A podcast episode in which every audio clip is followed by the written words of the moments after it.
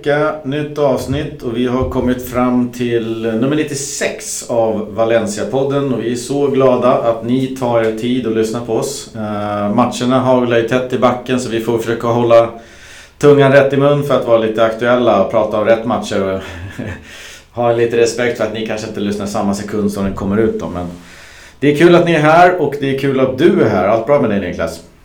Ja men det tycker jag. Det är ju lite, vi har lite sommarstudio nu. Mm. Klockan är nästan snart halv elva när vi börjar inspelningen här och det är väl först nu det börjar bli lite lugn och li, lite svalare. Så att, eh, men det är en härlig känsla nu på något sätt. Vad som vi snackade om första avsnittet med det här sommarsäsongen här. Eh, det blir också sommarsäsong i podden. Eh, ja men det är kul. Det är fotbollsmatcher hela tiden. Varje kväll kan man knäppa på någonting och det är tajta matcher och nu är det Barca som spelar mot Bilbao va?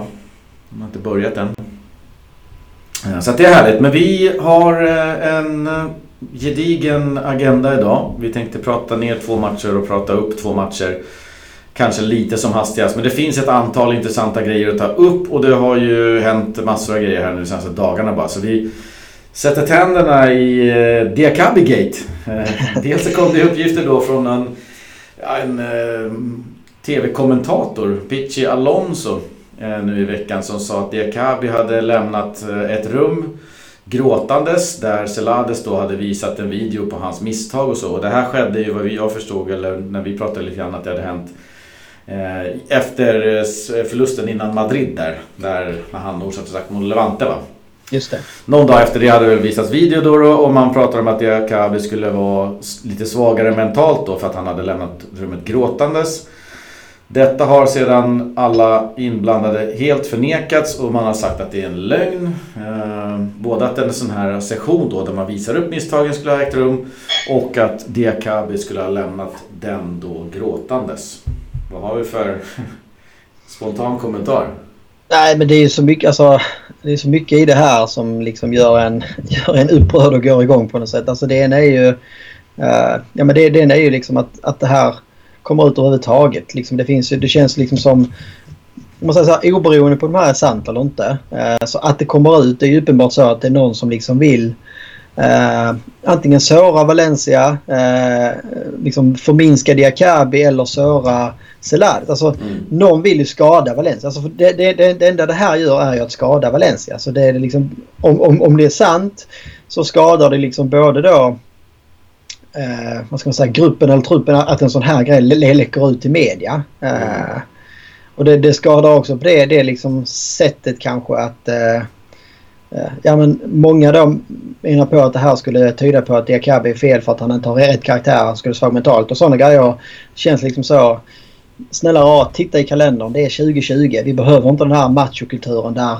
eh, du är svag mentalt om du gråter. Mm. Alltså, eh, för mig liksom så om det här, här skulle vara sant, jaha, vad, vad är liksom grejen då? Eh, Diakabi har nära till känslorna. Mm. Fine, låt det vara så. Det är väl liksom inte det som ska avgöra om någon är svag mentalt eller om någon har karaktär eller inte. Alltså det, jag tycker att den diskussionen är ja, den kunde liksom stannat i förra århundradet. Eh, Nej, det är ju ganska förlegat. Sen så kan jag ju tycka att uh, Diakabi, från mig så förväntar jag mig inte å ena sidan att Diakabi ens ska vara en ledare för Valencia i det här läget där han är 23 år och, och inte är han är väl tredje eller fjärde mittback just nu. Och, och för andra så skriver jag ju fullständigt eh, under på det som du skriver. Att fan 2020 så ska det väl inte vara någon, någon negativ svaghet för en fotbollsspelare i, i världens bästa liga. Om man, om man gråter och, och visar känslor eh, och för, för ett antal, en serie misstag som han har gjort.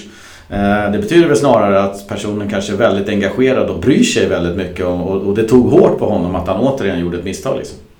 Ja, no, det var ju som vi snackade om här innan. Alltså, att, att Diakabi har nära till känslorna. Alltså, där, där, det är därför man väl så. Ja, det skulle kunna säkert ha hänt. Att, eh, sen så är det så här.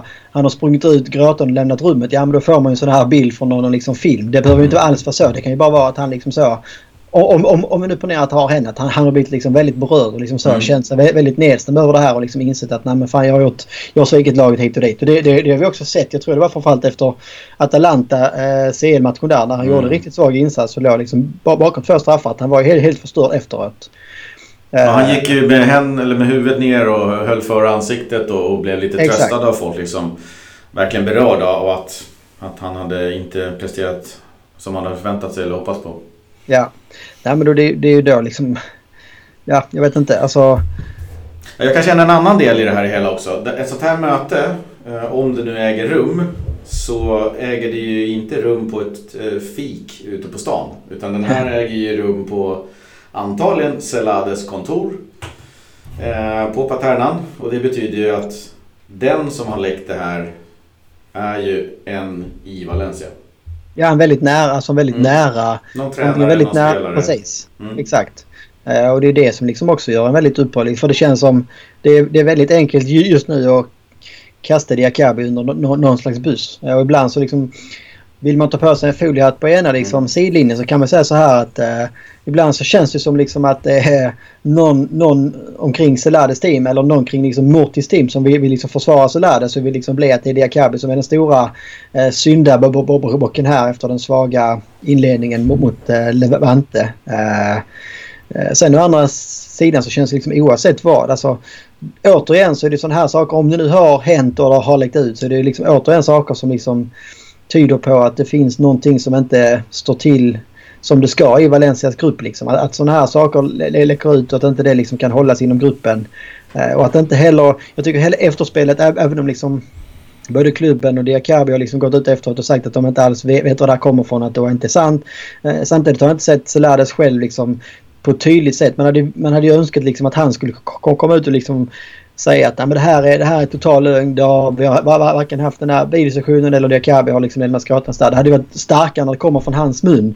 För det är också det som man får en känsla av när Pitchy Alonso sitter då i den här tv-studion inför och så Sunnar man matchen och berättar det här.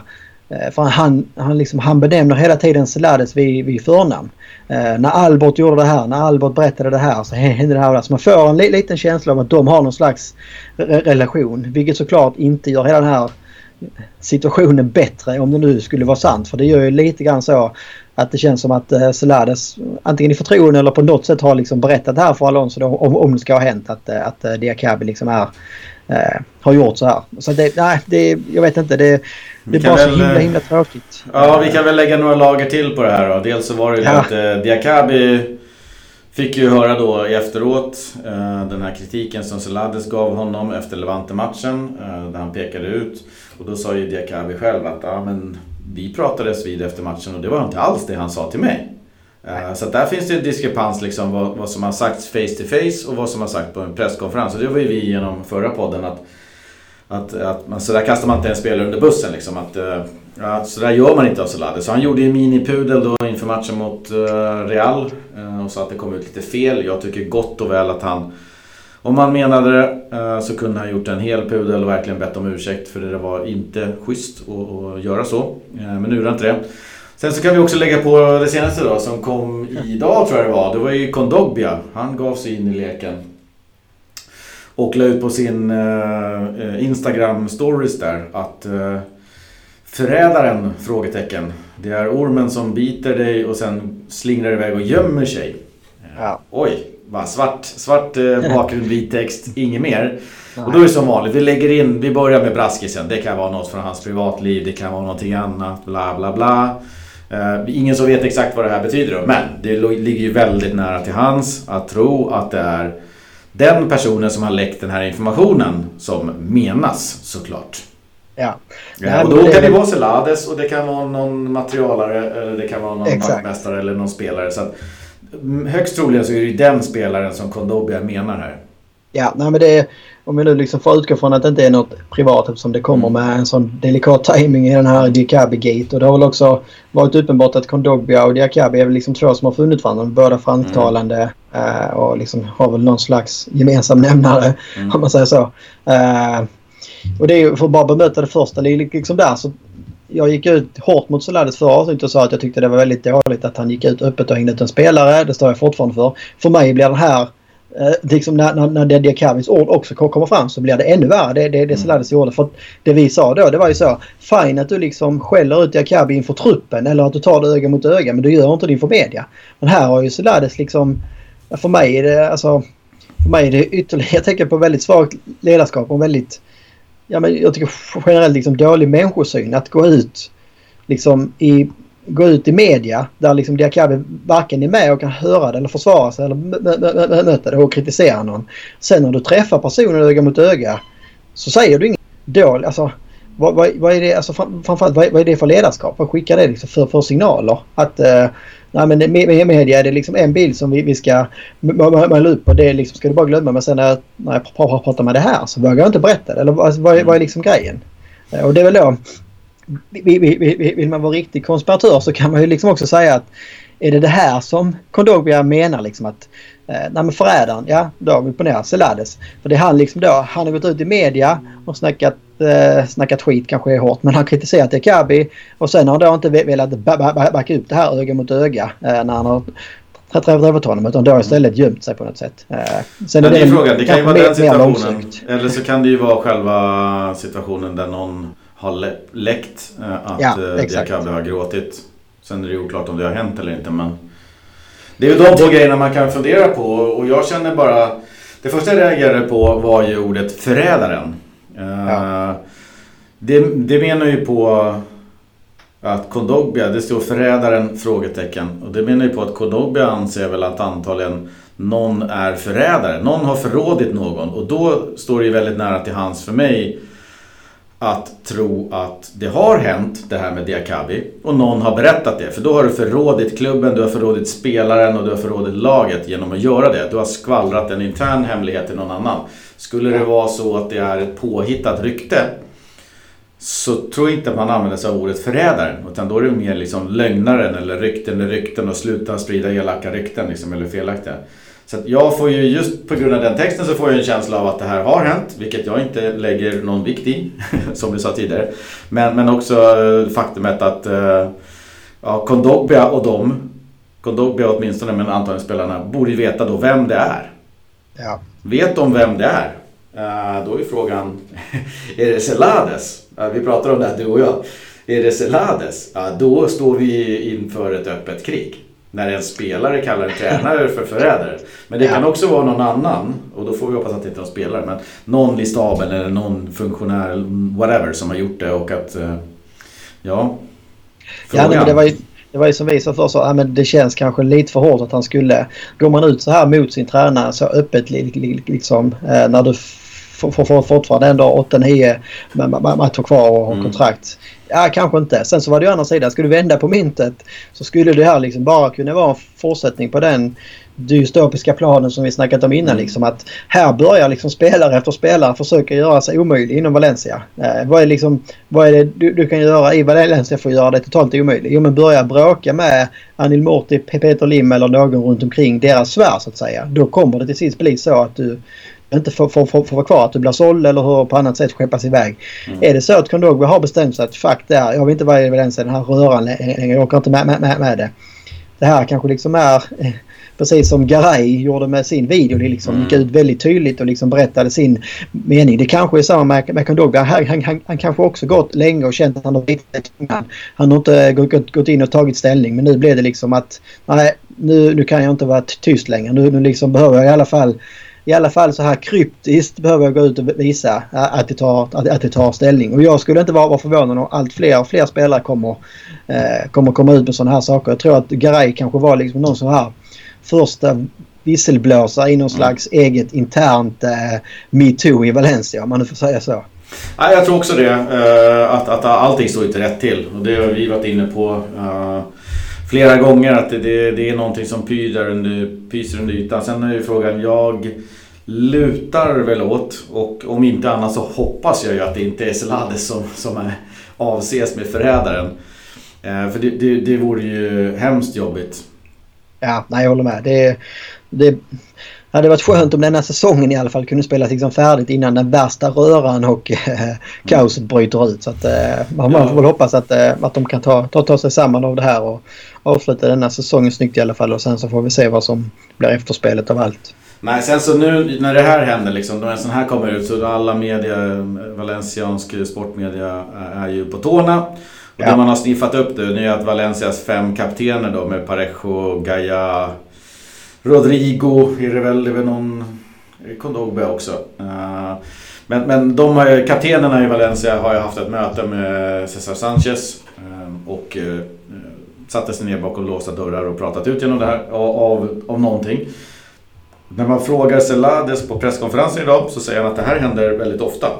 Nu sniffar ni upp det här bara för att ni... Ja, det har hänt någonting.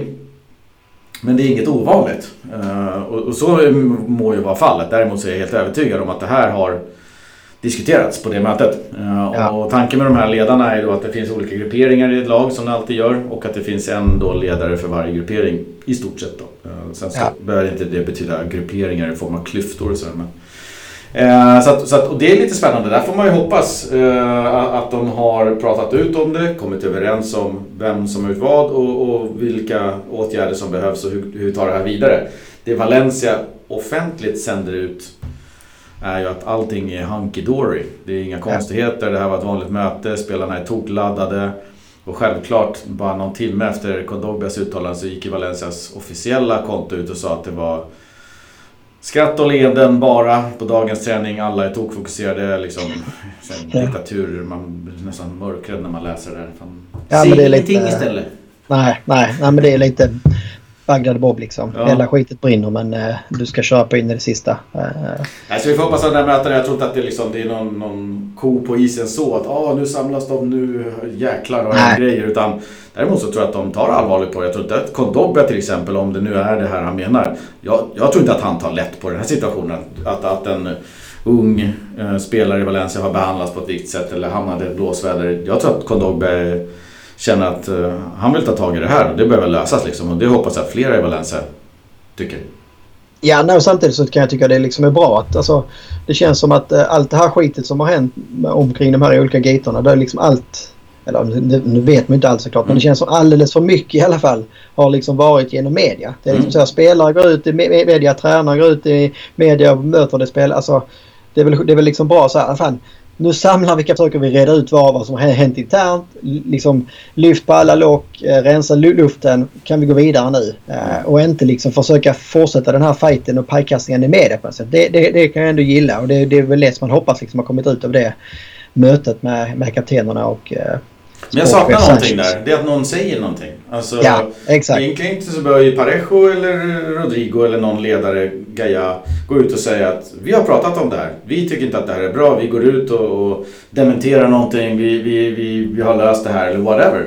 Nu är det ju den här vanliga tystnaden bara och jag skulle inte förvåna mig om det är liksom Murti och de andra som, som förbjuder dem att kommentera det här öppet eller offentligt eller på något sätt ge någon, någon negativ åsikt eller whatever. Det känns bara så olustigt att ingen kommenterar det här. Ja, det, nej, även på den presskonferensen, nu vet jag inte exakt vem som arrangerar de här presskonferenserna men det ligger inte så långt ifrån att tro att det är Valencia själva och med valenciansk press och så vidare. Det är ju inte mycket frågor till Celades om, om Diakabi-grejen inte och, eller Kondogbas meddelande.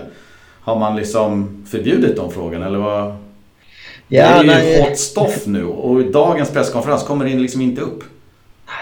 Nej, det känns som att eh, jag vet inte om, om, man har fått några tydliga riktlinjer att eh, det här är okej att fråga och det här vill vi inte ha frågor mm. om. Det är väl också enklare att styra media nu när man liksom allt alla presskonferenser sker ju via eh, ja, men Zoom eller vad man nu använder Teams och allt det finns. så att eh, det är väl enkelt att liksom muta någon journalist som ställer för jobbiga frågor. Att Åh, nu försvann, eh, nu, mm. nu försvann han visst. Eller att man måste anmäla frågorna i förhand. Exakt, ja. Nej det skulle inte vara förvånande. Eh, det var väl som det här klassiska Anil Murti-intervjun för något år sedan ja. som liksom eh, han intervjuar sig själv i stort sett. Då är det ganska enkelt. Och... ja. Här, nu ska jag prata ut om... Ja, exakt. Vi ska alla... Marcelino var det. Han skulle prata ja. ut om Marcelino. Han sa ju ingenting. Nej, nu ska alla korten på bordet och sådär. Ingen journalist var undertecknad som hade gjort intervjun. Mm. Han, han liksom såg ut som han själv hade tagit en selfie eller så här självutlösaren på fotot på intervjun. Så det var ju, ja. Nej. Väldigt talande för Valencia kanske just då i alla fall. Och sen ska vi säga, eh, vi rundar väl av eh, Diakabi där. Eh, med de orden som vi pratade om du och jag innan. Att här gäller det att hålla två tankar i skallen. Diakabi har inte varit bra. Det är inte därför vi Nej. till synes försvara honom eller hans insatser eller whatever. Jag och du också antar jag är bara upprörda över den soppan och hur man behandlar en, en Diakabi som människa. Hans insatser på planen har varit jättedåliga. Uh, och han Precis. förtjänar ju en petning på grund av det. Men, men ja. det är inte så här man behandlar spelare Nej, nej jag tycker det är hela, alltså både behandlingen av Diakabi och hela behandlingen överlag och hela situationen. Alltså nu också har Diakabi varit utanför truppen i tre matcher i rad. Är han verkligen så skadad det plötsligt? Eller är det liksom eh, någon slags... Eh, är det någonting som liksom har skett bakom dörrarna? Alltså det är väl det man också undrar så här. Har Diakabi liksom eh, fått spel mot Selhades på grund av det här uttalandet eller på grund av att de här andra grejerna har kom, kom, kommit ut? Och det är därför som liksom han är petad men att man då officiellt sett går ut och säger att han är skadad. Eh, och bara liksom jag, jag, jag tycker mycket det här riktas liksom frågetecken mot Selades. Liksom. Alltså det är väldigt sällan man ser honom efter matcher. Eh, efter Real Madrid till exempel Såg man, så, så är det någonting där han själv satt och rannsakade sig för att, eh, vad, vad som hände i andra halvlek eller hur, hur, hur taktiken var eller hur bytena blev. Och var det någon liksom som ställde en, liksom en kritisk fråga till varför eh, Guedes blev utbytt direkt efter paus mot Osasuna. Han liksom börjar rensa framför sin egen dörr innan och liksom börjar hänga ut spelare. Det är mer sådana saker jag tycker är hans ledarstil som jag inte alls gillar. Nej, och, och just kring om han nu är skadad, jag kan väl inte. Är det så jäkla farligt att säga att han är petad i truppen? Efter matchen ja. mot, uh, mot Levante. Han är petad. Alltså måste ja. man, om man nu har foliehatten kvar på, på sned på huvudet uh, och tror att hans skada är, är fejkad eller väldigt läglig om inte annat. Om man tror på det liksom. Men jag känner bara, men, men det är väl inga problem att peta honom. Så bara nej han är inte med i truppen nu. Uh, on merit som det heter. Han har ja. spelat sig ur truppen just nu men han tränar på och kommer snart tillbaks. Nej, jag håller med. Det känns... Uh... Man behöver inte ljuga och hitta på någonting om det nu är det de gör känner jag bara att fan var ärlig, säg som det är. Det är inga konstigheter. Nej. Det är inte att slänga någon under bussen, under bussen så. Det är bara att nej, men han, han, han gjorde misstag. Han behöver öva på det. Positionsspel, samspel, ja, allt möjligt. Vi väljer andra backar. Ja, nej, men säg att det, det är problem med det här och det har varit lite skakigt omkring honom så vi, vi, vi tror att det är bra att han liksom får, får en liten paus nu och kunna liksom eh, hitta tillbaka till, till sig själv och liksom hitta fokus och uh, hitta liksom, ja, koncentrationen på planen eller jobba med de här små sakerna innan han är aktuell igen. I, ingen stor grej men så är läget liksom. Istället så blir det bara massa spekulationer och annat eh, kringtjack på något sätt. Ja, någon ruggigt märklig lätt skada som hållit honom borta ett tag. Ja, kan vi väl konstatera. Men, men. Vi kikar vidare på... Eh, vi kan väl nämna lite snabbt bara innan vi går in på eh, en annan grej som jag faktiskt tycker är lite spännande. Tony Latta, målskytt och hjälte för eh, Osasuna ikväll. Jättekul. Jag försökte kolla upp målet här innan sändning men de finns inte riktigt på Forza. Men han spelar vänsterback och Nacho Vidal högerback i Osasuna. Det är jättekul att Lato får La Liga-tid första La Liga-målet tydligen också i karriären. Så mm. det kommer, kommer lägligt. Grymt. Ja, Sen är det Piccino och Coquelin är väl tillbaka i träning. Det lät ju som att de inte är aktuella för morgondagens match mot Eibar va? Uh, Nej, Piccino är möjligtvis helt tillbaka om en, två veckor. Ligger före prognosen och uh, Coquelin då, då, det är väl det vanliga. Uh, någon sträckning i låret. Han verkar ha den typen av muskulatur där det uh, händer lite ofta. Men Yunus Musa ja, det var kanske lite oväntat namnet som skulle ta upp i podden den här kvällen. Ja, vi får nog gå in på vem det är kanske. Ja, precis. Nej, men jag vill minnas, och det, var väl också inne på det, att vi har nämnt hans namn innan i mm. podden. Eh, kort bakgrund. Han värvades till Valencia, det var väl ganska sent förra sommaren va? Eh, ja, det var en, jag tror att det var ungefär ett år sedan. Ja, ja precis. Och var ju då en av, eh, ja men beskrevs ju då i alla fall. Sen så vet man ju alltid liksom att när, när det är varvningar så är det ganska enkelt att eh, håsa spelare man säga. Men det, det beskrevs ju liksom som en av de här eh, största diamanterna i engelsk fotboll egentligen. Han var 17 mm. bast, eh, hade tillhört akademin i, i Arsenal. Eh, lämnade liksom då ett, eh, ja men vad, vad liksom framkom då i alla fall så var, var, var det ju ett, eh, ett A-kontrakt med Arsenal för att komma till Valencia. Eh, han har ju då en spelstil som är lite så här mer kanske sydeuropeisk än engelsk om man säger mm. så. Eh, samtidigt som han har fysiken. Det, det får man ändå säga. För att vara liksom så ung så har han ju väldigt både liksom så ganska stark och liksom, eh, ja, men fysiskt för att vara så ung spelare. Uh, var med mycket uh, på träningarna under liksom tidig, tidig, tidig höst. Uh, under Marcelino ska sägas. Exakt. Han var med i ja, exakt. Ja, no, beskrivs väl eh, kanske också liksom överdrivet men beskrivs väl liksom så. Han, han, han var en av de mest spännande i sin ålder i hela Europa. Eh, mm. det, det, var liksom i, i Valencia där, där, där, man skulle forma honom eh, och sådär. Men eh, sedan då, sedan Celades kom in så har han varit med på en träning tror jag eh, mm. i A-truppen eh, och sen har han inte ens blivit uppkallad på, på träningarna. och jag tror dessutom att de han och den här Koba Koindredi som kom samtidigt från Lans. Jag tror att de, Marcelino la upp dem på den här uh, stora, stora bruttolistan för Champions League. Ja. De, de uh, huserades, jag vet att Koba Koindredi bland annat var med i den här Youth League sen istället. Då. Uh, men, att vara med på den listan är ju, det betyder egentligen ingenting då. den är Nej. väldigt stor. Men de var med där. Men vad jag uppfattar det som under juluppehållet, om man får revidera det, då tog Celades bort dem från den listan. Precis. Men tog med dem på träningen dagen efter och sen inget mer. Nej. Nej, och det är någonting eh, lite konstigt. Alltså antingen så är det ju... Eh, nu är det liksom få. Jag säger jag, jag har väl bara sett någon kort Youtube-video så det är väldigt liksom, så svårt att säga eh, att eh, han är bra eller att han borde få fler chanser eller hit och dit. Eh, men det känns ju liksom så om, om, om man nu värvats in från Arsenal och som en liten stjärna liksom sådär. Så känns det konstigt att han helt plötsligt inte får chansen längre. Eh, Eh, och att han inte ens är med, med, med på träningarna. Om man då tänker liksom på den. Eh, om man har liksom samtidigt kvar i huvudet vad det var som eh, var anledningen till att Marcelino fick kicken och att man, man tog in Solades i höstas. Så var det mm. för att man ville satsa på egna yngre spelare mer. Och Marcelino då enligt eh, Morty och Lim köpte inte riktigt den, den, den filosofin eller strategin. Uh, och sen så har vi då här en, uh, en uttalad supertalang som fick uh, mycket, mycket träningstid med Marcelin och var med liksom i åtruppen och lära känna och känna på den, den, den nivån men där sen Celades inte alls varit med honom. Eh, Nej, så, och det, det som ja. är lite märkligt i den här soppan är väl också att när coronan briserade då försvann karn från radarn och, och drog hem till England. Ja. Och har väl nu befunnit sig i London fram tills dess uh, och är än inte tillbaks. Och Nej. inga kommentarer, ingenting från uh, Cesar Sanchez till exempel eller någon annan som, som som kanske borde, alltså det här är ju en... jag vet, direktiven var nog inte åk hem till ditt hemland och stanna där. Nej, samtidigt så, alltså jag, jag kan ändå... Jag förstår också lite grann. Men... Viss förståelse. 17 bast, eh, själv i Spanien. Kan kanske inte språket riktigt. Mm. Allting stängs ner. Du, mm. du, du, du, får liksom inte träffa en enda. Han har liksom ingen... Eh, ingen, ingen familj, ingen där. Eh, kan det få chansen att och, och liksom dra hem då. Jag kan fatta det på ett sätt. Eh, det, det är liksom, sen så är det inte rätt. Alltså, det är klart att det ska gå rätt till och sådär.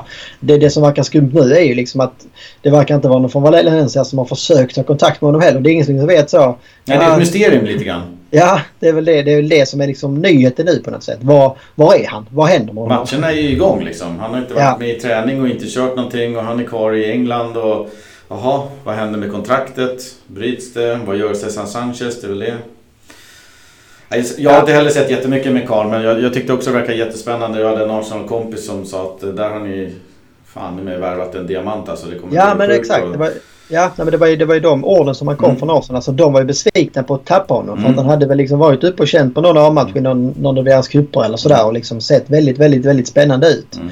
Uh, och kändes liksom som en spelare som skulle passa i Valencia alltså med, med fysiken och farten och, och liksom hela hans profil på något sätt. Att, uh, här, här är något, kan vi liksom forma honom så har vi nu liksom en, en, en spännande, han är väl mest central fältare vill jag mm. minnas. Uh, jag fick ja. lite uppfattning också att den här Koba Koindrede som kom samtidigt har gjort ett uh, större avtryck då i Mestajan än vad Yunus Musa har lyckats med. Uh, ja. Men det låter jag vara lite osagt. Uh, det finns säkert de som följer Mestajan mer än mig. Men det var i alla fall mitt intryck när jag såg lite Youth League, eh, Champions League där och sen några matcher med Mestajan. Så att har den här Koendredi gjort ett större avtryck då. Och att man kanske hade hoppats lite mer av den här Yunus. Men ja, är man ung i den åldern så... Så, Nej, så det, är det chanser man behöver och, och kanske en miljö ja. man trivs i. Nej men då är det väl återigen liksom nästan samma sammanfattning på det här som på ovan avsnitt. är liksom så. Varför kan man inte bara gå ut och säga det då? Mm. Eh, vi hade, vi hade höga förhoppningar liksom eh, på den här spelaren. Vi ser liksom inte att han tagit de kliven vi hade hoppats i Valencia. Så nu är han tillbaka liksom i Mestalla och vi kanske ser en utlåning för honom som bäst där. Men det är liksom bara så. Man, eh, man går gärna ut supermycket promotar honom när han väl kommer. Liksom lägger upp att det här är en stor diamant. Bla bla bla. Och sen så liksom bara pang hamnar han under, under helt liksom under under radarn, det är fel ord, men han hamnar liksom Men står det att han är borta? Ja. Det är ju en stor grej och den kommer från Markas i Madrid ja, ja. som har skrivit den. så jag vet inte. Ja. Vi, vi, kan ha missat någon artikel kring det här att det har varit uppe någonstans. Men det är en märklig historia. Spelare får inte försvinna på det här sättet. Nej, verkligen inte. Framförallt inte de här som då... Det, det, det är just den här typen. Om det nu är den här diamanten som alla pratar om. Mm. Det är liksom den här typen av spelare som är liksom Valencias framtid på sätt. Och få fram de här, förädla dem och sen kanske då sälja vidare. alltså det, det, det är precis den... Eh, vad ska man säga? värdekedjan och, och affärsmöjligheterna och allt vad man kan kalla det som Valencia liksom ska leva på, på i framtiden. Att man får upp de här. Kan, jag vet inte om han är en äh, äh, Longoria-värvning eller inte men det känns ju som en typisk sån äh, rent spontant. Men det, var det kändes det absolut när de två kom. Ja och det var ju det som liksom var, var, var, var lite taktiken då. Hitta de här unga spelarna i eh, elitklubbarna som vi liksom kan ta in och förädla och som vi liksom ser att vi, vi kan sälja in någonting bra till och sen är det Valencia de lyfter, kommer liksom mer eller mindre gratis och sen kan du sälja dem för 50 miljoner om 3-4 år. Eh, då får man ju inte slarva bort spelare. Fine att inte alla lyfter för det, det förstår man ju. Alltså jag antar att Valencia tar in säkert 5-10 sådana här eh, på olika nivåer varje år liksom. Alltså spelare som man tror kan bli någonting och sen är det kanske ja, inte ens en varje år som får det där riktigt stora lyftet. Och det, det är helt fint. Det kanske inte liksom... Nej men det blir inte alls... Eh, han här liksom, eh, Jonas lyckades inte ta klivet liksom från att vara jättelovande junior till att vara senior. Det är ju liksom supervanligt. Men då, jag vet inte, antingen så får man kanske ge honom mer chanser eller så får man liksom bara vara tydlig utåt. Så att det, vi ska, man, man vill inte läsa sådana artiklar liksom att Valencia, hans diamant är bara försvunnen. Ingen vet var han är typ nu. Nej det får ju ja. inte hända. Nej. Nej, det är väldigt märkligt och väldigt trist. Men det kan ju också vara som vi har varit inne på tidigare att han, han signade på för Marcelino-paketet, eh, den möjligheten, den stabiliteten som ändå fanns där och, och, nu ser väl han också vilken cirkus det är och hans, hans möjligheter att träna med A-laget är helt borta och han känner att han ruttnar väl bort kanske i Mestajan. Så, och har man kommit från en Premier League-akademi, så att säga, verksamhet som Arsenal bedriver med de pengarna som de har så, så är det nog hyfsat ordning och reda där. Eh, ja. Och det kan ju tänkas vara mindre ordning och reda i Valencia än, än det är i eh, Arsenal då, som klubb. Ja, det... Och att han liksom känner att okej okay, vad gör jag här? Nu, nu har allting dött för mig. Jag kan inte bränna två år här när jag inte ens får chansen. Liksom. Nej, nej, jag håller med. Det är väl rimligt. Märkligt. Vi får väl inte reda på alla detaljer i den eh, här och nu. Men vi följer nog gärna och ser vad som händer med Yunus. Musa om han kommer tillbaka eller om han nu eh, har bestämt sig för att eh, bara försvinna, hoppa av, bryta ja. kontraktet. Ja. Men då så, då gör vi så, så att eh, efter den lilla gingen så kollar vi mot eh, de två matcher som har varit och de två som kommer.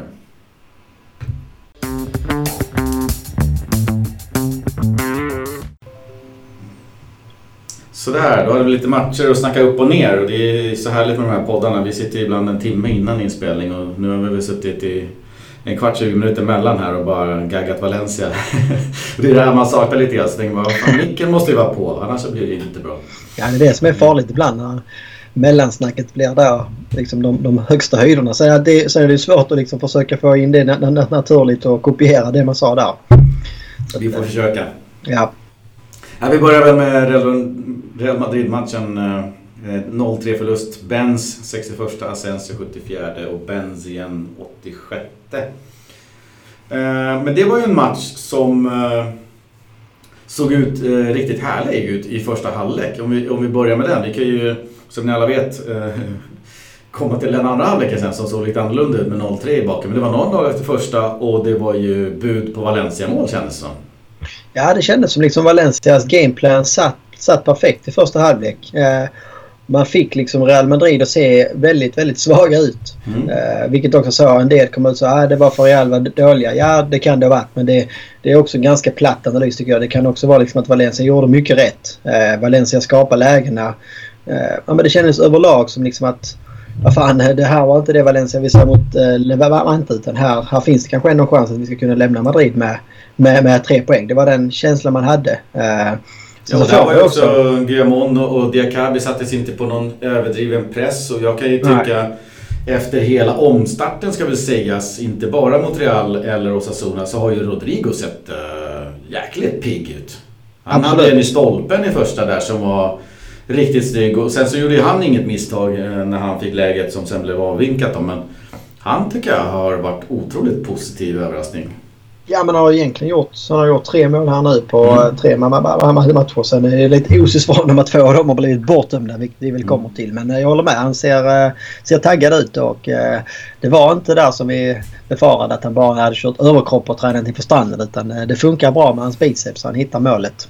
Ja, men han verkar vara i riktigt eh, så här, sprudlande form känns det som på planen. Du vet den här Rodrigo som löper, han kommer i frilägen och han skaffar sig liksom fullkaratiga chanser. Inte bara det här Rodrigo som vevar på allt för att han vill göra mål. Utan här sätter han sig själv eh, i, i riktigt bra lägen och det är kul att se. Ja, nej men det, jag håller med. Det är många, många tecken på honom liksom att det är, det är den här gamla Rodrigo eller vad vi ska säga. Eh, som som liksom var så viktig och så bra för vårt anfallsspel i, i förra säsongen och kanske framförallt för, för två säsonger sedan. När han gjorde väl över 15 mål och eh, låg bakom mycket, mycket i offensiven ju. Det var väl han och Sasa och eh, Santemino där som ja, precis. hade en glödhet höst. Om inte annat. Ja, ja. Nej, men vi går till andra halvleken då. Uh, och vi kan väl börja med första målet då. Det är ju en uh, VAR-situation som uh, åtminstone för mig, live när jag tittar på matchen, uh, jag förstår ingenting. Vad är det de varar och varför tar det så lång tid? Det, det, är ju ingen offside på Rodrigo, det ser man ju klart och tydligt och man tänker, ja, jag förstår ingenting. Nej, alltså nu, det, vi är fortfarande kvar i för första halvlek. Ja. ja, men det är vi ja. Sorry. Ja, ja nej, bara, bara Nej, jag håller med. Alltså det, och det kändes ju logiskt när liksom det här kom. Valencia hade liksom gjort en bra halvlek. Eh, och så sa jag fan skönt också att vi liksom får lite utdelning och får någonting betalt. Det är inte bara mm. så att vi, vi kan gå in i paus och liksom klappa oss på axlarna. Vi ligger bra till, vi ligger rätt. För man vet ju liksom så. Eh, nej, men det räcker kanske inte mot ett Real Madrid och bara ligga rätt och känna att det är helt okej i paus. Utan du behöver gärna få någonting med dig. Mot de här topp topplagen så är det ju så. Eh, och det var ett snyggt mål. Rodrigo är liksom där framme och hugger iskallar läget. Det dyker upp och det känns ju så. Vad är det, jag håller med dig. Vad, vad, vad är det man ska kolla här liksom. Alltså Rodrigo kommer in, smyger in fint bakom eh, och trycker det dit Det fanns liksom ingenting uppenbart och det, det, fanns, det kom heller inga protester från Real Madrid. De drog ju bara upp eh, bollen till mittcirkeln och gjorde sig redo för avspark liksom. Alla var så okej. Okay, det var 1-0, nu kör vi liksom. Eh, men det fanns ju ett varum som då tyckte annorlunda. Ja, de tyckte ju att den bollen som jag inte kommer ihåg vem det var som la, men att den... att Maxi som den går förbi då eh, gör tillräckligt mycket eh, för att eh, antingen vara eller att Real Madrids backlinje då ska känna att han är delaktig i den. Han rör inte bollen ska jag säga, så den går förbi honom men han han, jag tror nog att domaren då menar väl på, sen om han har rätt eller fel det säger jag ingenting om, men jag tror att domaren menar på att han är för delaktig eller för lite visar att han inte är delaktig så att säga. Sträcker upp armarna och står helt stilla liksom så att jag del, du vet den här ja. spelaren som står i en tre meters offside som verkligen bara ställer sig upp. Jag är inte delaktig. Glöm mig. Det gjorde inte Maxi och det är där jag tror att domaren till slut snör in på att nej, Maxi är delaktig. Ja, och det är det, det, är det här runt omkring VAR som jag blir mest frustrerad över. Det är liksom den här oklarheten. Vad är det som gäller liksom? Alltså, för det är ju så. Det är, alltså, det är inte så att linjemannen sträcker upp flaggan så därmed då går vi in och barkollar det. Det är liksom inte så att någon domare heller liksom uppmärksammar någonting. Sen är det så, vad jag har förstått i alla fall, så ska väl alla mål snabbt varkollas liksom, om det var någonting knasigt. Men det är ingenting vid själva målskyttet om man säger så som heller är offside. Så, så hur långt tillbaka ska man liksom gå? Var liksom mm. så, om man hade hittat en frispark för 20 sekunder sedan Eh, skulle, är det den liksom då? Nej, det blir inget mål för att vi skulle dömt en frispark där. Eller liksom så hur långt tillbaka i situationen får man gå på något sätt? Uh, det, det, här, det här kanske är ett väldigt dåligt exempel. för att det, Om man nu liksom så sätter sig på den stolen och säger att man, man tycker att Maxi påverkar så skulle man ju så kunna säga ja okej, okay, fine, det här kanske ska dömas bort. Men jag, jag, jag, jag är fortfarande, och nu är vi ju extremt färdiga och det är precis så som vi, vi, vi ska vara. Jag tycker den är jävligt hårt dömd. Är det, det, det, är liksom det, det han påverkar. Det är ju liksom ingenting han påverkar i spelet. Uh, det, det, det enda han påverkar är ju då spelaren som han har bakom sig så att säga. Att han inte får bort bollen eller om man ska uttrycka det. Men samtidigt så får ju Varann en fot på, på bollen och det är, det är Varanns fot som till sist är sist på den innan den når Rodrigo. Uh, så att jag tycker att uh, jag, är, man kan säga, jag är väldigt tveksam till om det blivit bortdömt om det var åt andra hållet. Mm. Ja, men så, så kan vi absolut säga det. Nej, vi pratade lite här i pausen också om eh, var och när de ska kliva in och inte. Och de ska ju kliva in på varje mål, så är det. Eh, eh, och, och kolla. Då kan man ju fråga sig i Premier League där, den bollen som Sheffield United hade inne. Ja. Där tydligen goal line technologyn inte funkade och det var anledningen till att det inte blev mål. Då tänkte man, men vilka puckon sitter i varummet och ser dessa bilder? När folk viftar på mål och säger nej, vi skiter i det här. Vi ringer inte domaren och säger nej. någonting utan vi låter det här snurra vidare. Den VAR-bussen hade ju inte tagit den här offsiden. Nej, nej men det är hela det. Alltså sen att det är olika ligor hit och dit. Det kan man, det kan man ju... Ja, I det här det. fallet kan man ju på ett sätt glömma det tycker jag. För det här är så, så ändå två ganska tydliga situationer. Alltså mm. i det ena fallet så kan man liksom tydligt med ögat se. Det blir uppenbara eh, protester ute på planen. Någonting har hänt. Alla märker det. Alltså, men man varkollar inte det. Sen har vi då ett Valencia-mål som ingen protesterar. Ute på planen är alla liksom eh, mer eller mindre fine med och överens om ja det där var ju ett mål. Eh, nu liksom avspark. Det varkollar man. Alltså in i, in i, då, i detalj om man säger så. Och det är det som liksom så får en att tappa förtroendet för VAR på något sätt tycker jag. Ja, exakt. Och, och dels som, som eh, vissa av våra lyssnare var inne på på Twitter också. Att det tar så jäkla lång tid. Att det ja, tar så lång absolut. tid. Jag menar, tycker man då att Maxi är delaktig? Ja, då, då är han ju det och så då blåser man. Det ska inte behöva ta fyra minuter och ingen vet någonting. Nej, det, det, också... det, känns som att de letar på något sätt. Missar så... eller små grejer som de kan haka upp sig på i Valencia. Så, och det irriterar ju inte bara oss utan Valencia som, som klubb har ju också lackat på det här och verkligen... Ja, nej, men det är väl också alltså, Kollar vi här. Eh, Levante hemma. Straff i 97 minuten som är så centimeter straff. Mm. Att det är frispark eller straff.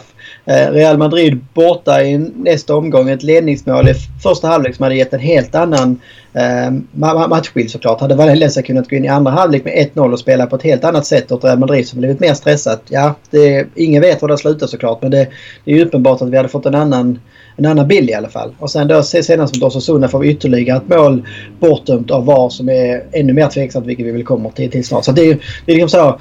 Det är tre väldigt, väldigt, väldigt tajta eh, calls på Valencia i tre matcher där två av dem blivit väldigt, väldigt, väldigt eh, avgörande. Och jag kan lägga till där också att den foten som Diakabi sätter på Ruben Veso som är på mållinjen det är också liksom en, en decimeter tjock linje. Det är ingen skillnad på den linjen och den som då dras från, på Osasuna-matchen där, från till synes Rodrigos armbåge och inte axel mot Osasuna-backen och där man då hittar en offside. Fan, drar de här jävla linjerna eller gör bedömningen lite liberalare så, så är ju inte Diakabis en straff heller. Nej, nej, det känns nej. som att det, det, de, de här centimetrarna, det känns som att fan de går emot. Det gör de garanterat men det, det börjar bli störande. Ja, nej, men det känns som du säger. Det gäller liksom att ha millimetrarna på sin sida liksom om man ska ha, om man ska ha någon chans där mot VAR på något sätt. Vilket känns helt sjukt. Nej, det är irriterande. Sen kan man ju nämna att uh, Rodrigo vs VAR del 1 sket sig mot uh, Real Madrid. Uh, Valencia förlorade den matchen så vi ska inte skylla det på något VAR-beslut så.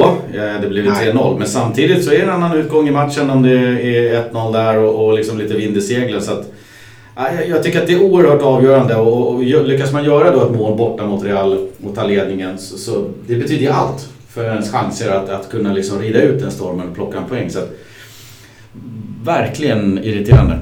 Ja, nej alltså det det, sen är det klart det kan låta liksom så bitterljuvt att sitta här efter 3-0 och en andra halvlek där vi är totalt utspelade eh, och säga så att eh, ja, hade inte det där blivit bortdömt så hade det blivit en annan match. Jag kan också förstå, ja det hade blivit 3-1. Att det är väldigt mm. enkelt att säga så men det, det, det är ju inte riktigt så. Eh, ett liksom, att leda med 1-0, gå in med det i halvlek och kunna liksom ligga kompakt och kontra i andra halvlek eller liksom gå ut i andra halvlek och försöka liksom ett Real Madrid som gör en dålig första halvlek eller, eller då alternativt inte kommer igång på grund av Valencia gör det bra. Där Zidane kan skruva lite grann på sakerna och helt plötsligt liksom så vet Valencia inte vad, vad, vad de ska göra. Sen när 1-0 kommer så blir det liksom ett kollektivt kollaps på något sätt. Då är det som luften går ur Valencia och man tappar liksom allting om vi nu ska komma in på andra halvlek. Uh, och det är ju det som liksom... Det var väl också någon som vi fick upp i uh, i vårt Twitterflöde. Vilket vi väldigt gärna uppskattar att det kommer tankar och Ja, tack. och, och, och, frågor där. Men det var ju det här om Celades är, om jag kommer inte ihåg om det stod att han var världshistoriens sämste halvtidscoach. Men det var någonting åt det hållet. Och, eh, och jag, jag tror det, även om det kanske är hårt, ligger någonting i det. Eh, för jag bara tänker så här. Kan någon, ni får gärna rätta mig på Twitter eller eh, ringa mig höll jag på att säga. Kan någon hitta en eh, Valencia-match under Celades där, där har vi gjort det bra i 90 minuter eller ens i 70 minuter? Jag kunde inte. Jag satt ändå och liksom funderade länge på liksom, Han har ändå haft ett par bra. Vi hade Ajax borta och sådär där man kunde tycka att det stora delen. Men jag kunde inte hitta så att vi gör alltså, en komplett match eller ens alltså, 70-80 minuter bra. Det har varit så. En bra halvlek där, en bra halvlek där. Och sen har det liksom ofta Antingen har det varit liksom så att det faller ihop i andra halvlek eller har det varit så fan vad dåliga vi var i första men i andra halvlek så har man gått, ut och gjort det bra liksom. Mm. Så Han någonting- någonting... är galet där och känslan är ju inte att han riktigt lyckas förändra matchbilder heller, Celades. Eh, Exakt. Nej. Och sen var ju frågan från om det var Jakob där som skrev varför varas vissa offsider och inte andra.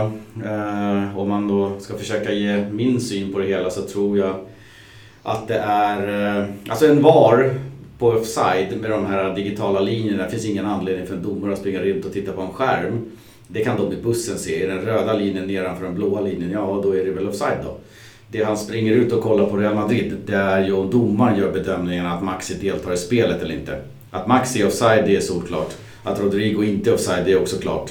Eh, Ja. Men då vill att domaren själv ska bedöma om Maxi är delaktig i spelet. Därför går han ut på den. Och offsiden med linjerna mot Osasuna eh, behöver han inte gå ut på, tycker inte jag och det gör han inte heller. Rätt eller fel, men det, det är min tanke kring den frågeställningen. Ja, nej men det, alltså, det man hade önskat är väl mer tydlighet liksom från domarna eller från liksom de som bestämmer på något sätt. Att när, när är det man ska gå ut och när, när ska man inte göra det. För det känns som det känns inte som, alltså jag köper din teori. Jag tycker den tydligheten hade man önskat. Men det känns tyvärr inte som alla följer den. Nej. Nej, tyvärr så är det. Men eh, sen var ju Rodrigo ute och veva på planen, matchintervjun och verkligen eh, sågade eh, ja, Valencias felfördelning av VAR-besluten. Och det är inte så vanligt man kanske gör det så här offentligt. Och nu kanske han var lite sur efter matchen och väldigt besviken. Men ja, jag tycker inte den är alltså, felriktad eller någonting. Jag tycker gott och väl att man kan ta upp det här. Och så, precis som vanligt, alltså, det har ju pågått i alla år att Valencia till exempel och Sevilla i viss mån tycker sig vara felfördelade mot Real och Barca. Och så, alltså, det går inte att leda i bevis men jag vet att eh, det är så att de får fördelar. Eh, mycket för att de är stora och ja, det kan finnas massor med anledningar. Men det, det, jag tycker att det är kul och ganska friskt vågat av Rodrigo att rikta den kritiken. Ja, Jag håller med. Jag tycker också det är friskt liksom att man inte där försöker äh, vara politiskt korrekt alltid Nej, och säga att äh, nej, men domarna kan göra fel hit och dit och, och sådär. Äh, och jag tycker också, alltså min egen hobbyanalys är att det känns... Äh, nu är det liksom återigen att jag kanske blir det här konspirationsteoretiker. Men det känns som att Real Madrid och Barca här efter återstarten har fått mycket med sig med de här VAR-situationerna. Mer än vanligt. Alltså Real Madrid hade det här mot Valencia. Man hade sen också mot eh, Sociedad. Ett par saker som var väldigt, väldigt, väldigt skumma. Eh, där man liksom också kunde ställa sig frågan. Hade det blivit samma bedömning om den var tvärtom så att säga. Eh, och min liksom så. Min take på det. det var fan, du sitter, säg att du sitter liksom i spanska förbundet. Du vet att eh, ni tappar jättemycket intäkter på grund av publik och tv-pengarna kanske inte blir, blir, blir samma sak. Eh, du tappar intresset på ligan. Det liksom som kan lyfta La Liga igen det är ju liksom att du får den här clashen mellan Barca och Real. Att det blir ett klassiskt guldrace in i det sista. Det är de två det, det liksom ska handla om. De, de ska följas åt sida vid sida. Ingen av dem får liksom tappa poäng för tidigt här nu så att guldracet avgörs. Utan det här måste leva så länge det kan. Eh, jag tror liksom inte det. Sen så har jag, har jag samtidigt också svårt att bli allt sådär konspiratorisk och tro att det här är något så systematiskt. Att domarna liksom på nå- något sätt får, får sådana typer av signaler. Men eh, man blir ju liksom konfunderad när man också vet eh, historiken i Spanien med, med sådana här saker. Nej, och det är det som är lite frustrerande, just historiken att det har ju varit så här Ja. i alla år. Nu kom VAR. Nu slipper vi det här. För nu ser vi repriser och vi ser allt vad som händer. Nu kan de inte liksom inte ha sett någonting eller missat en offside eller någonting. Men känslan är att samma mönster, samma lag får fördelarna fortfarande och det är väl det som irriterar. Ja, nej, jag håller med. Det, man trodde att det skulle bli rättvisare men det känns liksom som att de där sakerna fortfarande får du liksom de här diskussionerna och, och anklagelserna mot de stora klubbarna att de, de för för det, det delas mer än de mindre. Eh, så att där har ju VAR misslyckats så att säga med att räta ut, räta ut de där liksom frågetecknen eller eh, att döda alla sådana teorier. Ja, så är det exakt. Vi kan väl kolla på Kangelis röda också. Uh, ingen var på den. Han, domaren tar den ju direkt. Uh, och jag tror att uh, domaren, uh, när han ser ett direkt rätt på planen så ska han ta den enligt reglerna. sen ska den varas. så att jag tror att den varas den situationen och VAR håller med domaren, I guess, eftersom det röda står sig. Sen ja, jag antar också... kanske tycka att, eh, om det är rätt eller inte men eh, eh, det, det, det jag kan tycka om den aktionen det är att fan Kangeli tappar ju pärlorna i backen där. Så det är ju, första sparken är väl frispark, andra, andra sparken är väl halvgult, sen är det någon halvgul igen och sen är det väl frisparksspark och sen en halvgul igen. Så jag vet inte, det kanske är tre gula i samma aktion. Han ja. slutar ju aldrig sparka. Jag förstår inte vad, vad, vad far genom karls huvud. Nej, nej, men det är många saker. Alltså, det är ju så. Man orkar, alltså på ett sätt orkar man inte riktigt bli utprövad för att det, det betyder ingenting. Det, det är så sent. Mm.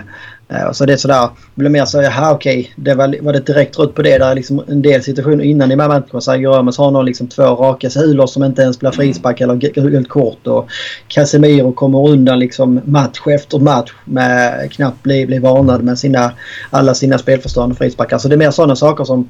Sen så kommer då Kangeli och gör en grej, en otroligt dum grej. Ja, det är ingenting i Kangelis beteende som jag, jag försvarar.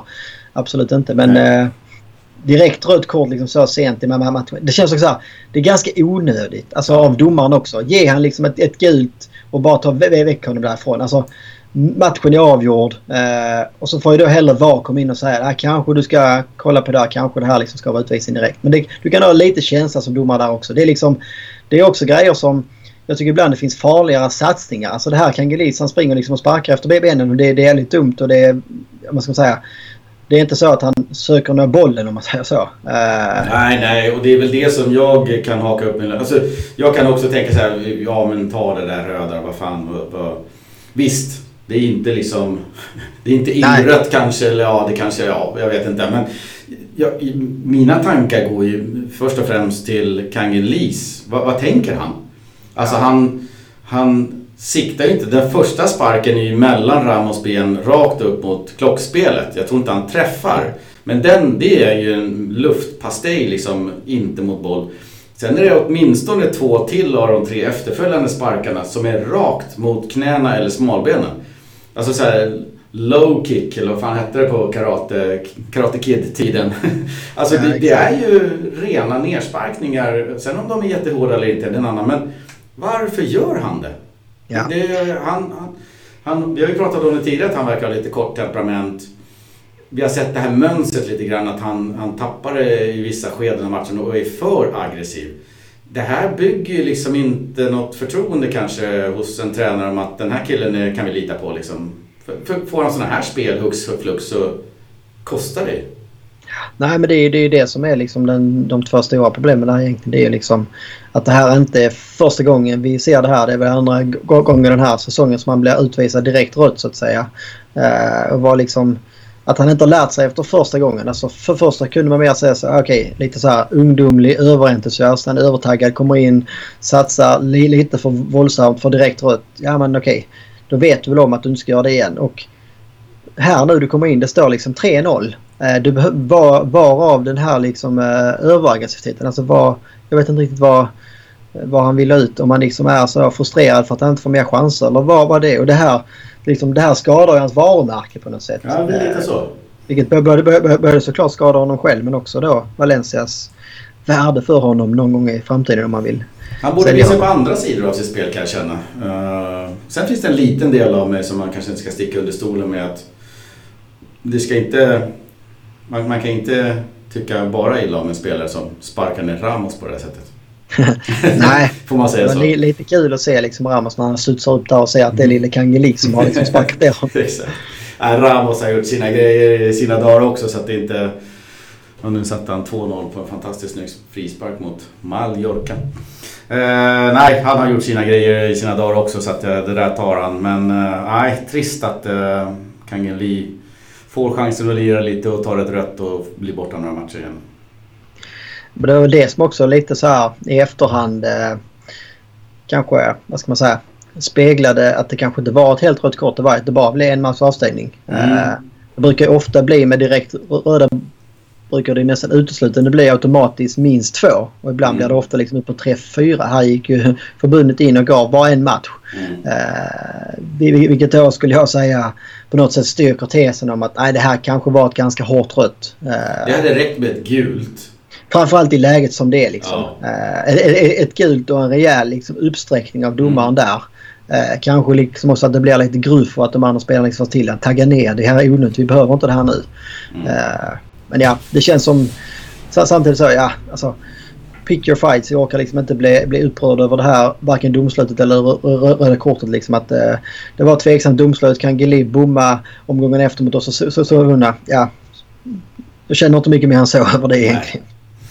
Nej, vi släpper Real Madrid-matchen där och så kan vi väl gå in på eh, Valencia och Osasuna istället. Det var en betydligt eh, muntrare tillställning. Där var ju lite så här kniven mot strupen. Ska vi ta chansen för att eventuellt få en chans till Champions League senare? Ja. Eh, och det gjorde ju Valencia med eh, vad jag tycker är också en, en eh, riktigt bra eh, genomförd match. Speciellt då första halvleken där man gasar på rejält. Rodrigo såg återigen pigg ut och fan om vi inte fick se den där Guedes vi har saknat i över ett år.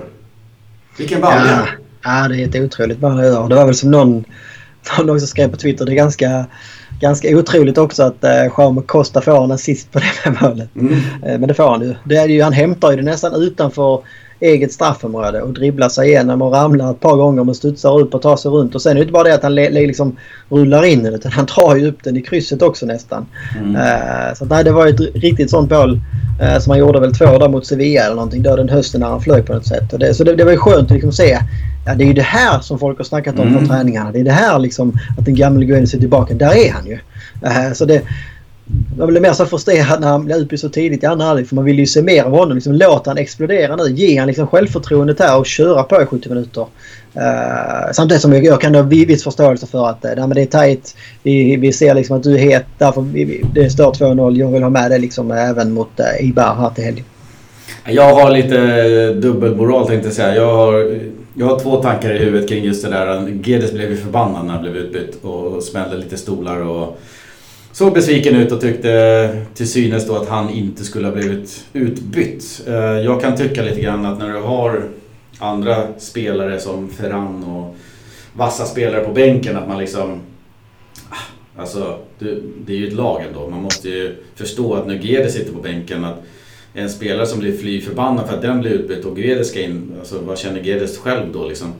Jag kan tycka behärskar det lite grann. Men jag kan också förstå Guedes som liksom känner att äntligen har det lossnat med ett mål och en assist. Ja. Eh, vad fan, ta inte ut mig nu. Jag är inne i ett flow. Låt mig ja. fortsätta det här. Så att, ja, det är lite tudelat men uh, förbannad blev han i alla fall.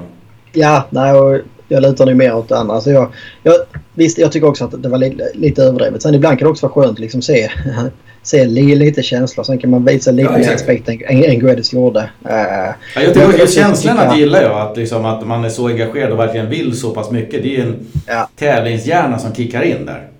Om än också... något egoistisk, men, men, men, den måste finnas där och, och den finns absolut hos Guedes. Och det, det är kul att se den sidan av Guedes, att, att det betyder så mycket för honom när man då möjligtvis kanske har sett en annan sida av Guedes som, som har sett lite loj ut och lite ointresserad ut. Ja, det här alltså, så blir det också, det blir också speciellt med de här, äh, alltså den här säsongen eftersom det blir många tidiga byten. Alltså, mm. eh, liksom fine, ge han en 10-15 minuter till och ta ut honom på slutet kanske. Eh, men det blir liksom, det ser man ju alla matcher ut, liksom så. Runt matchminut 60 så är det ju inte ovanligt att du redan har 3-4 byten totalt. Mm. Eh, och det, det, det ser man nästan aldrig innan. Så att det är ju man, man, man får liksom också hoppas att det här var mer eller mindre ett byte som var bestämt på förhand. Att eh, när man ser läget ut, liksom ser, ser läget bra ut så är det liksom det är Maxi Guedes som vi vill vila då för då, då, då, de har liksom startat alla, alla våra inledande tre och det är de, de som liksom behöver mer vila än någon annan och det är en del, del, del spelare då som Cherchev och Ferran Torres. Nej, och det är den tanken kanske Guedes ska ha i, i hjärnan att okej, okay, han vill vila mig. För att jag är så pass bra så att jag orkar även nästa match. Eh, istället för att liksom bara bli förbannad för att han vill ha mer just den matchen.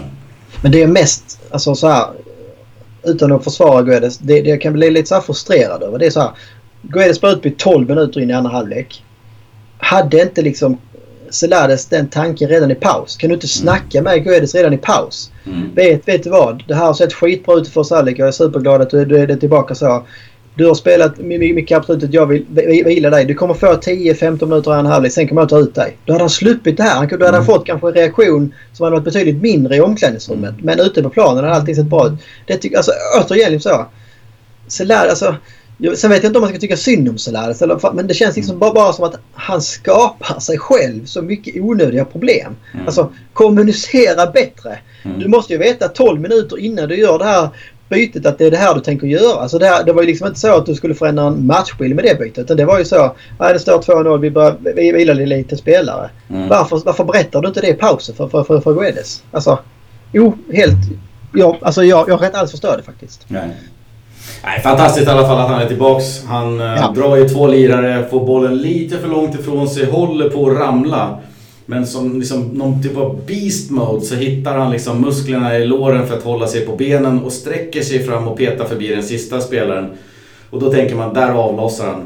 Men han viker ju inåt en gång och drar två spelare till innan han stänker upp den i krysset. Så att, nej, det där, det, det var en kraftansträngning eller en, en kraftdemonstration av, av Gedes. Och det var länge sedan jag såg Gedes, eh, på, på, den, den Gedes så att säga. Ja, alltså det, det, det, när man ser det, alltså det är ju ett... Det är inte bara, bara, bara så, det är ett snyggt mål. Det, mm. alltså, det målet är världsklass. Alltså, mm. det, det är ju den Guedes som vi såg liksom höjder av under den för första hösten när man såg... Ja, här har vi liksom en, en som kan bli, alltså rikt, på riktigt skulle kunna bli som topp 10 i världen mm. eh, av alla spelare. Eh, sen så har det liksom varit för mycket upp och ner men det är liksom nu börjar han kanske hitta tillbaka till det. Sen så får det inte vara så här långt mellan och det bör liksom bli en högre lägstanivå och mer jämnhet i det. Eh, men att han har det här i sig fortfarande är ju jättespännande och det är det som liksom det är det som vi försökte avrunda förra dystra avsnittet med liksom att när man kollar potentialen som finns i Valencia. Kan du få igång en Guedes? Kan du få igång en Rodrigo? Kan du få igång en Maxi? Och så vidare och så vidare. Nu börjar vi liksom se, ja, Guedes han börjar liksom det där liksom som de hintade på träningarna. Nu kunde vi se det. Det finns ju där och jäklar vilka höjder vi har då. Rodrigo som vi pratat om innan. Han, han har ju liksom fått en superstart. Fyra mål eh, varav då två bortdömda. Eh, kan han liksom fortsätta där? Så att det är ju liksom, vi börjar se en del betydligt mer positiva tendenser kan man väl säga efter de här två matcherna än efter, eh, efter derbyt. Ja, verkligen. Och, och, eh, det saknas väl bara Maxi här då i protokollet att han ska få till det. Han har varit relativt blek och vet, verkar inte riktigt i samma form som eh, Rodrigo åtminstone som har sett glödhet ut. Då. Eh, vi har ju redan varit igenom den eh, VAR-situationen som var där, eh, den var ju jobbig att se med, med vad till synes är en, en linje ritad på armbågen som man inte kan göra mål med. Den borde varit på axeln och då är frågan om den eh, i sådana fall hade blivit offside. Men där blev det vinst så att eh, vi låter den vara så kan vi väl prata om Guillamon. Och då tänkte jag gå tillbaks lite grann till eh, Real Madrid-matchen där eh, Guillamon var med. Han bildade backpar med Diakabi och nu var det med Gabriel och jag tycker att det har sett riktigt bra ut. Det, det som är kul med Giamon det är att en egen spelare som till synes lyftes upp liksom när, när, när Gabriel, nej, när Garay försvann och, och vi liksom behövde lyfta upp någon. Det var ett osett kort på något sätt och man kände så här, håller han nivå på La Liga? Och det, och det har varit jäkligt kul att se att han, han har visat att han är en La Liga mittback så att säga. Ja. Eh, trots allt. Eh, trots sin korthet och det vi var inne på förra gången att eh, Jorge Lopez hette han väl som eh, var innan Cesar Sanchez hade sagt att han inte skulle få kontrakt för att han var för kort eh, och så vidare. Det, jag däremot också vill lyfta upp i den stora, stora glädjeyran är ju att 2-0 målet som Asensio gör mot Real, eller, ja, i Real-matchen. där går ju både Diakabi och Guillamon bort sig. Asensio, jag tror Benzema, båda tar löpningen och får följa över varsin mittback. Båda stannar.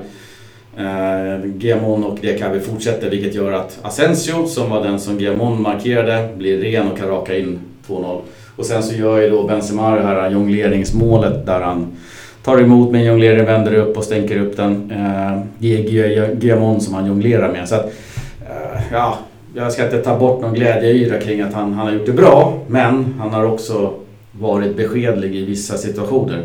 Men mot Osasuna återigen så spelar ni och där hör man ju nollan. Så att, eh, har vi en nya Jala där eller?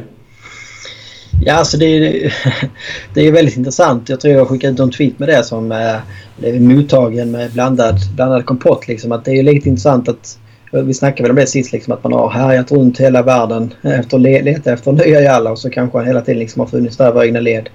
Uh, och nu har, jag, jag tycker också liksom att man har sett att Levante-matchen var liksom bara inte en sån här engångsflyga. Det var inte bara inspiration att du liksom kan gå ut och göra en bra match och se bra ut. Utan första halvlek mot Real Madrid tycker jag han är superbra. Mm. Och så Suna spelar han och Gabriel jättebra. Man håller nollan för första gången uh, på tio matcher liksom. Uh, och sen så har, alltså sen så han har ju sina styrkor och han har sina svagheter eller man ska säga. Samtidigt eh, Samtidigt tycker, tycker, tycker, tycker jag också att, att, att, eh, att andra halvlek mot, mot Real Madrid är betydligt sämre.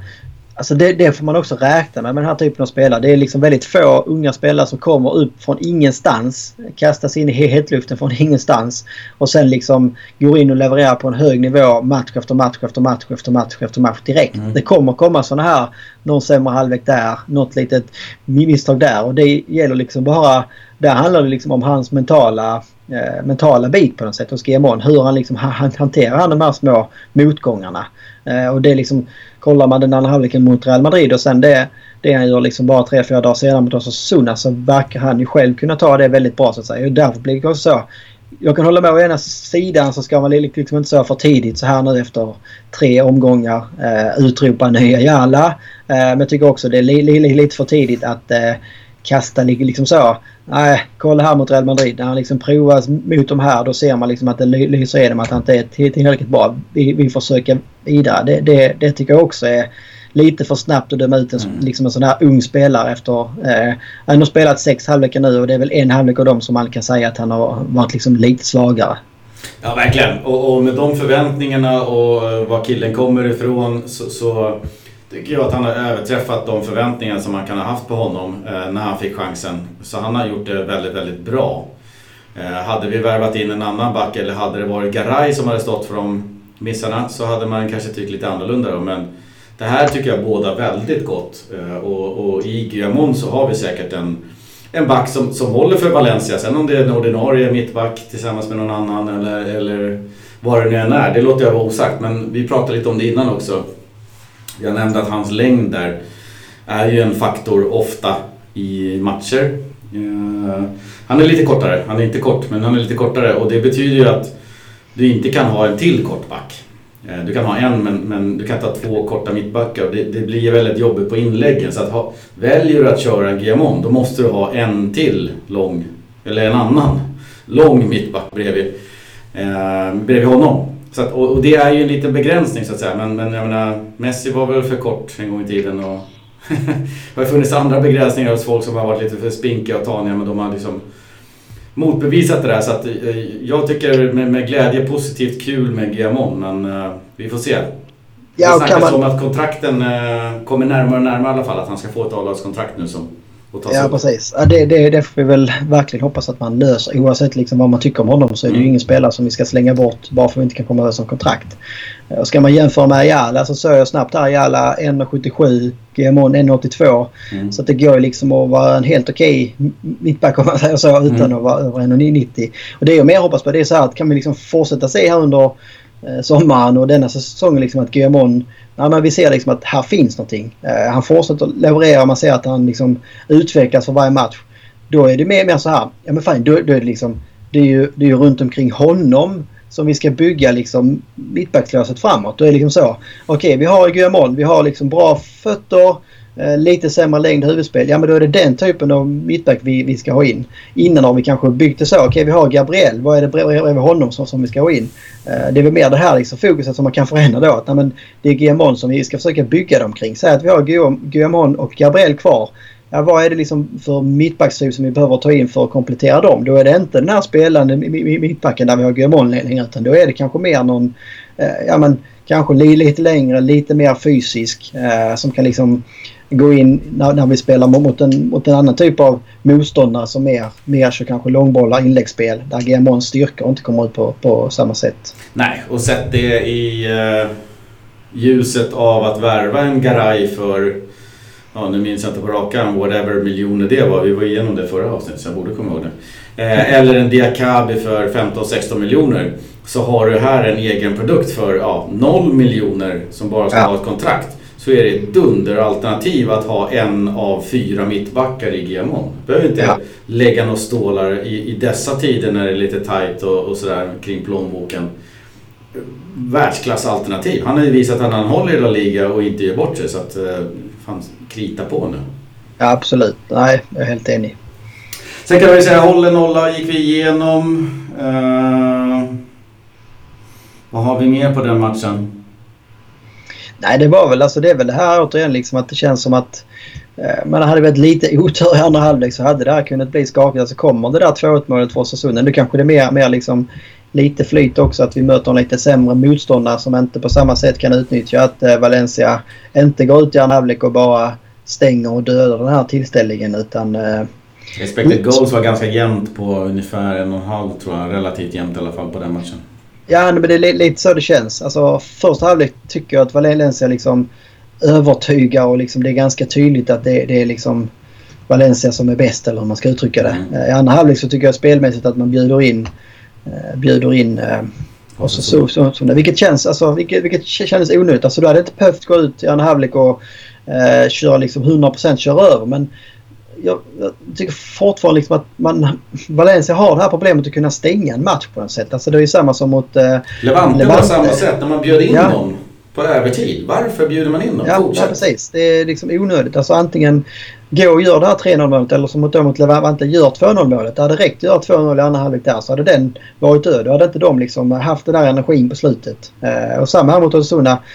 Antingen bara gå ut och spela av det på ett helt annat sätt i andra halvlek eller liksom gå första kvarten för att göra 3-0 målet tydligt liksom på något sätt. Och så får du det och sen så kan du liksom spela av den sista halvtimmen bara. Men nu är det så ja, du ger dem lillfingret och det är klart som fan att de liksom tar, tar det på något sätt. kollar man i expected goals i första halvlek så tror jag det var 1,10 0,05 på något sätt. Mm. Eh, men ändå i andra halvlek så är det ju liksom 1,5 mot 0,5 eh, för Osasundas för fördel. Så att eh, andra halvlek, ja det är lite liksom tillfällighet och en lite sämre motståndare som gör att det inte blir eh, darrigt på slutet. Om det har kommit ett 2 reduceringsmål så vet man aldrig liksom vad, vad som kan hända. Nej, eh, vi kan väl konstatera otroligt sköna tre poäng in på kontot. Eh, inte minst på grund av C-läget där vi ju hade, eller kanske fortfarande har, lite räknat bort Valencia från topp 4 den här säsongen. Men bollarna studsar nu verkligen Valencias väg. Eh, om vi kollar lite snabbt på vad motståndet pysslar med så kan vi se att Sevilla då efter omstarten bara har en vinst och tre kryss. Därmed sex tappade poäng och det var väl de som låg trea då. då. Kollar vi på Sociedad som låg fyra. Eh, så har de ett kryss och tre förluster efter kvällens match. Eh, de som har gått riktigt bra är ju Atletico. Kanske inte helt oväntat men de har gasat på med tre vinster och ett kryss och bara tappat två poäng då. Getafe där, de har en förlust och tre kryss. Så de har ju läckt poäng åt höger och vänster. Och sen har vi väl Villarreal då som har gått eh, bra och därmed också blandat sig i det här med tre vinster och ett kryss. Så att, jag menar, vinner Valencia mot Eibar eh, nu på torsdag, eh, imorgon eller idag eller igår beroende på när ni lyssnar på det här så är man bara fyra poäng från Valencia, och, och, eller mot Sevilla. Eh, och, och då, är det ju, alltså då är man med igen. Och det, det är ju en gratisbiljett som jag inte såg framför mig komma. Nej, det har ju blivit... Eh, det kanske man... Ja, nu ska vi inte sitta här och liksom säga att det här kunde man se komma för det, det tror jag inte vi gjorde. Det gjorde inte jag heller.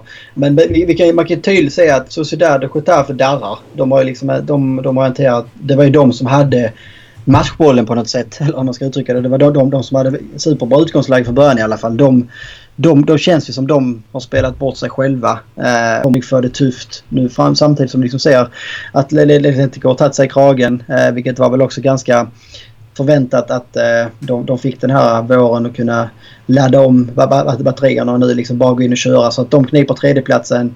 Det, det, den, den tror jag inte de, de liksom släpper nu. Eh, Sevilla har haft ganska tuff inledning kan man väl också säga. Ganska tuffa här. De har haft både Barca och eh, Villarreal väl. Ja, eh, de hade vinst mot Betis först som var liksom, ja men de, ja, de vaknade på samma sida igen och sen var det kryss mot Levante, inga problem. Kryss mot Barcelona, men sen var det kryss igen mot Villarreal. Så att liksom så ja. att de får inte att lossna. Det var ledning två gånger för Villarreal, Villarreal också. Ja, nej, men det, det, det, det är väl det, det som man liksom hoppas att det kommer. Fjärdeplatsen kommer att stå mellan Sevilla och Valencia. Och, mm. eh, för jag, jag tror vi kan räkna bort Getafe så jag tror inte de kommer hålla hela vägen in. Jag tror inte heller Villarreal som liksom har börjat väldigt, väldigt bra nu. Men jag tror, kollar man på deras spelschema så har de jättetufft. De har liksom Valencia hemma nu.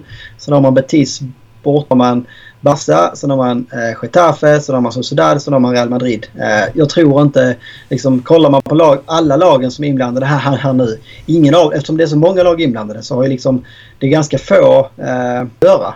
Och Villarreal har ju liksom fem riktigt tuffa kvar här på sina sju avslutande. Så det känns rätt spontant om liksom inte Valencia slarvar bort det här och, och tappar poäng liksom i, mot lag som man inte ska tappa poäng i den här striden. Så känns det som att sista omgången nere i Sevilla Sevilla mot Valencia. Det kan bli liksom en, en ren final om den sista C-platsen.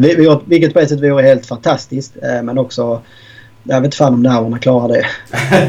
Nej, jag, jag, håller med dig. Eh, jag, jag, såg inte det här komma. Eh, lag har tappat poäng som jag inte trodde skulle tappa poäng. Bland annat Sevilla då. då. Visst, Barca skulle de tappa poäng mot eh, och så. Men det finns ju två sexpoängsmatcher åtminstone som man ser. Och det är ju Villarreal borta och. Sevilla borta. Så de två matcherna har man ju i sina egna händer, så att säga. Och det är ju sex poäng in på kontot eller någonting annat. Kan man vinna dem så, så då ser det ju riktigt bra ut. Sen är det väl sex matcher till då såklart mot beskedligt motstånd ska sägas. Där jag tycker absolut att Valencia har i sina egna händer att antingen ta de poängen eller tappa dem. Så att, ja, men det ser, jag, jag skulle nog eh, säga att det ser ljusare ut, mycket ljusare ut nu. Om man bara kan liksom vinna de här matcherna mot Eibar och, och inte köra in traktordäcken i någon jävla lera och bara stå och spinna runt och, och det sker något misstag och man släpper in bollar och så vidare. Kan, kan vi växla upp lite på Rodrigo, Guedes och få igång en Ferran och Parejo vaknar och så vidare. Så att, ja, det, det, jag ser lite svagt positivare på det här. Jag, jag, hoppas att det blir en fight och kan vi ta det här till Ramon Sanchez i sista matchen där så... Ja, det var häftigt. Ja, det vore häftigt. ja, men det känns ju plötsligt som att det liksom, även om det inte är så rent teoretiskt så känns det ändå tycker jag som att Valencia har det i, i sina egna händer. Nu är det upp till mm. oss själva liksom. Vi, vi har fått den här biljetten in eh, i racet igen och vi är liksom inte sådär beroende av att tre, fyra andra lag ska liksom helt falla igenom utan nej men gör Valencia det, det man ska framåt här. Eh, Samtidigt som vi då ser att Sevilla som inte går liksom helt, helt, helt som tåget och kanske tappar något poäng längs vägen. Ja men då är vi i ett läge där vi liksom inför slutomgången ska kunna eh, Ja, kanske går vi rent alla våra matcher och eh, ja, möter Sevilla. Ja. Eh, då, då, är det ju klart. Eh, ja. Ja, Sevilla kommer vi tappa poäng, så är det ju ja. bara. Sen så kanske ja, det... det är svårt att gå rent såklart men, men, nej, men alla chanser finns ju nu. Vi har ju blivit tilldelade en, en gratisplåt här känns det som. Ja, ja no, det, alltså, jag tror också de tre närmaste omgångarna här liksom. Det känns som nu har vi Villarreal, eh, eller för, först har vi nu Eibar och sen har vi då Villarreal och sen Atletic Bilbao. Liksom, kan du få med dig tre där så får du också in ett momentum på något sätt. Jag tror också det, det kommer att skicka signaler. Eh, för det är ju det, är det också man ska komma ihåg vilket talar för Valencia. Det är ju liksom att eh, Sevilla de har ju i det här läget någonting att förlora. De har ju egentligen legat topp tre hela säsongen mm. i stort sett. Legat liksom topp fyra verkligen hela, hela säsongen. Eh, Valencia har ju liksom legat och harvat kring liksom så här, sjunde, nionde plats på något sätt. Mm. Eh, då, nu kommer de underifrån och jagar och det är liksom den psykologin tror jag heller liksom inte man ska helt äh, räkna bort på något sätt. Att äh, Valencia kan också liksom försöka bygga på det här momentumet att vi gjorde det förra våren. Nu är det, i år är det Sevilla vi, vi ska åka kapp. Och Sevilla har ju haft det här äh, mönstret tidigare där man gjort en otroligt bra höst och sen fallit tillbaka under våren och så har man bommat Champions League. Eh, så att det är många saker som ändå, många mer saker idag som ändå talar för Valencia eh, i det här racet. Eh, och att, nej, men det, spelschemat ser jättekul ut och det känns som att det kan bli det är ett superspännande race och det är väl också skönt liksom att uh, ja, nu, nu, nu ska vi inte räkna bort Getafe eller Sociedad eller Villarreal heller för den delen helt och hållet. det är många matcher kvar. Så är det. Men det känns liksom ändå som att från att det liksom var sju konkurrenter kanske om de här platserna eller sex. Eh, så känns det nu som att nej, men det är nog fan eh, det är liksom de, de tre usual suspects som, som kommer slåss om de här tredje och fjärdeplatsen igen. Det är Valencia, Sevilla och Atletico. Och Atletico tror jag liksom har de har momentum, fått en bra, bra start och har ett relativt bra spelschema. Att de ska liksom kunna säkra en av de här platserna relativt snabbt tror jag. Ja, min, min känsla när vi, inte för allt för länge sedan, dömde ut Valencias chanser uh, var ju att vi behöver hjälp från åtminstone Sevilla, Getafe och Sociedad. Det har vi nu fått. Det är Exakt. det som är grejen. Vi behövde ja. den här hjälpen jag var inte helt säker på att den skulle komma. Men nu har den hjälpen kommit. Nu är det upp, mycket mer upp till Valencia själva att ta upp den här fighten. Och då är ju, om inte annat, bortaspelet en sån här grej som måste förbättras. Det är tre segrar på 14 matcher eh, och det är tre kryss på 14 matcher. Det är åtta torsk 15-30 i målskillnad. Ja, det, man, det håller inte. Ingen det, torsk på hemmaplan. Det man kan hoppas på där är ju att uh, den här forskningen om de här uh, coronafotbollen utan publik så har ju hemmaplansfördelen blivit betydligt mindre. Uh, man har sett det i Bundesliga mycket tydligt liksom att eh, jag tror från att hemmalagen vann eh, 60-70% så var det nu nere på 30% där eller någonting. Så det var, liksom, det var stor skillnad. Sen kan det också vara en del, en del slump och en del liksom kanske mer... Ja, men det ligger no, no, någonting i det på något sätt. Eh, och det är väl det, det som man kan hoppas för Valencias del. Liksom att eh, man blir bekvämare på bortaplan. Eh, eller hur man ska uttrycka det. Men eh, nej, det är så... Vi har fått, vi har fått det här lilla liksom eh, halmstrået och det gäller liksom att ta det. Eh, och hålla hela vägen ut. Kan man liksom, jag är fortfarande mest liksom orolig för hur defensiven ska hålla ihop på något mm. sätt. Eh, men mobilisera kraft från förra säsongen. Vi gjorde det förra säsongen. Vi, vi klarade den här tuffa spurten och bara red in det där i mål sista eller näst sista omgången och bara tog den här Champions League-platsen. Gör det igen. Och jag vet inte om jag ska rätta mig själv. Sa jag 15 förluster så var det fel. Det är 8 förluster. Eh, sa jag 8 förluster då hade jag rätt. ja, har 8 förluster på 15 tror jag du sa. Men det är väl bra att vi är tydliga. Så det är kul. Eh, vi kan väl kika lite framåt då. Se vad, vad som väntar här. Eh, I Poroa. Väntar två bortamatcher ja. ja. Härliga, lilla, tajta, jobbiga Iporoa. Jag vet att vi har haft ja. några jobbiga matcher där uppe men det är Eibar som väntar och det är blott en seger på de senaste tio ligamatcherna. Inlett återstarten med en förlust mot Real, två kryss mot Atletico och Getafe. De parkerar precis ovanför nedflyttningsstrecket.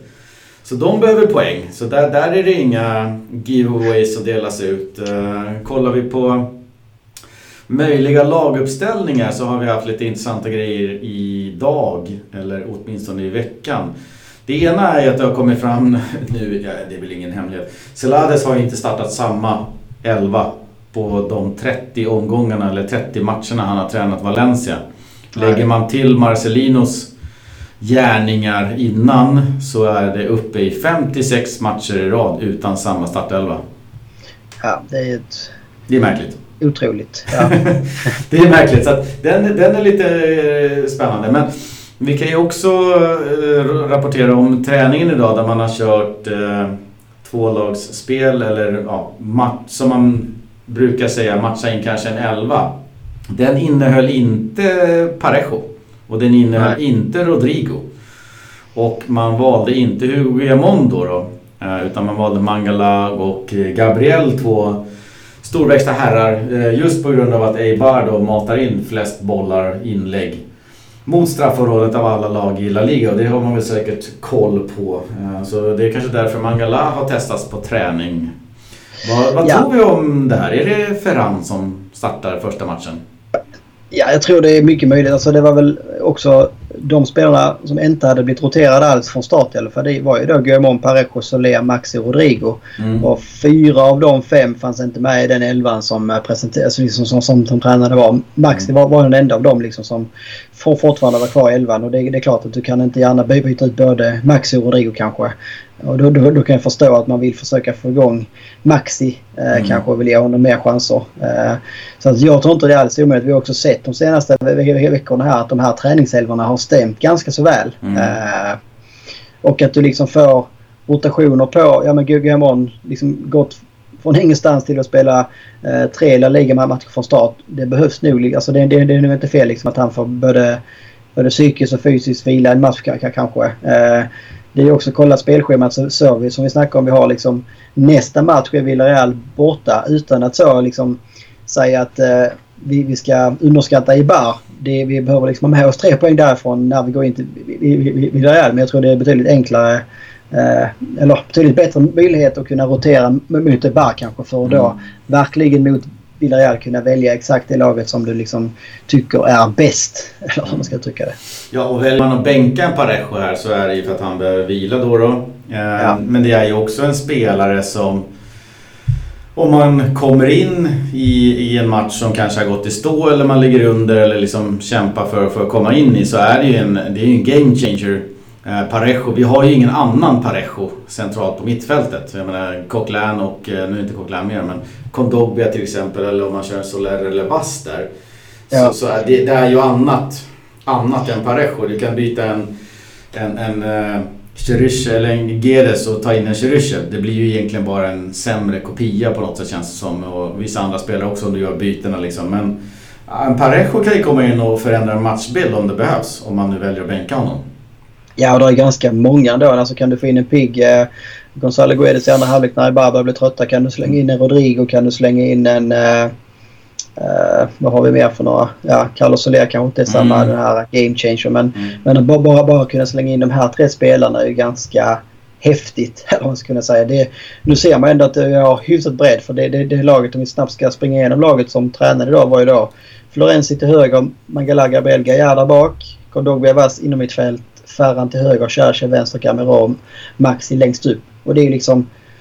Ja, det är, det är ett bra lag du ändå kan mm. ställa på fötterna. Liksom. Sen håller jag med, med, med dem. Liksom, det största liksom, problemet i Valencia är ju att du har ingen så tydlig inomhittfältare som tar Parejos roll. Nu är det väl tänkt att Vass ska göra det men det vet vi att det är ju liksom inte långt ifrån samma liksom, äh, spelfördelare eller spelmotor på det sättet. Så att man får väl man får väl lite grann utgå från att det kommer vara en lite annan gameplan och, eh, och taktik här. Det kommer liksom inte på samma sätt bli att vi ska spela oss upp genom eh, innermittfältet utan kanske det kommer vara mer eh, rakare spel ut mot kanterna eh, och komma liksom till instick inspel mot eh, Gamero och Maxi som upplever som två bra boxspelare. Mm.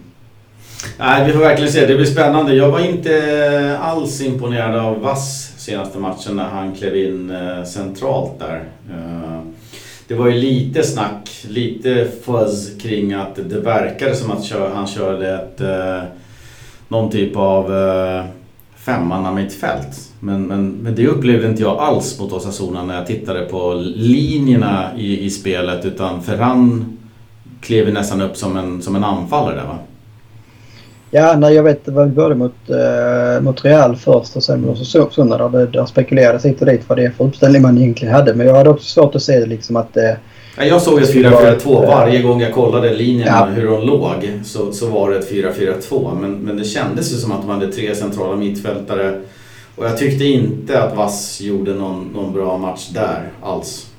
Nej, nej. Han, eh, det var liksom inte så att det kändes så, ja men fine, där har vi, där har vi liksom en bra ersättare att kunna rotera runt på. Utan tvärtom så blev det tydligt liksom att nej, vi har fortfarande ingen som liksom kan axla den rollen tillräckligt bra. Nej, exakt. Och sen hade vi väl Gaia tillbaks. Uh, ja.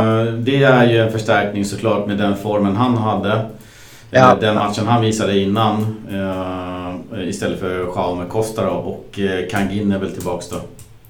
Visst var han med i truppen, Kangin? Ja, exakt. Jo, precis. När han är tillbaka i truppen. Det var väl lite som stack ut där. Jag vet inte om det sticker ut så mycket. Det var ju eh, Sobrino var mm. väl den liksom som var petad i, i, i truppen. Uh, han var väl den rent petade känns det som. Exakt, ja.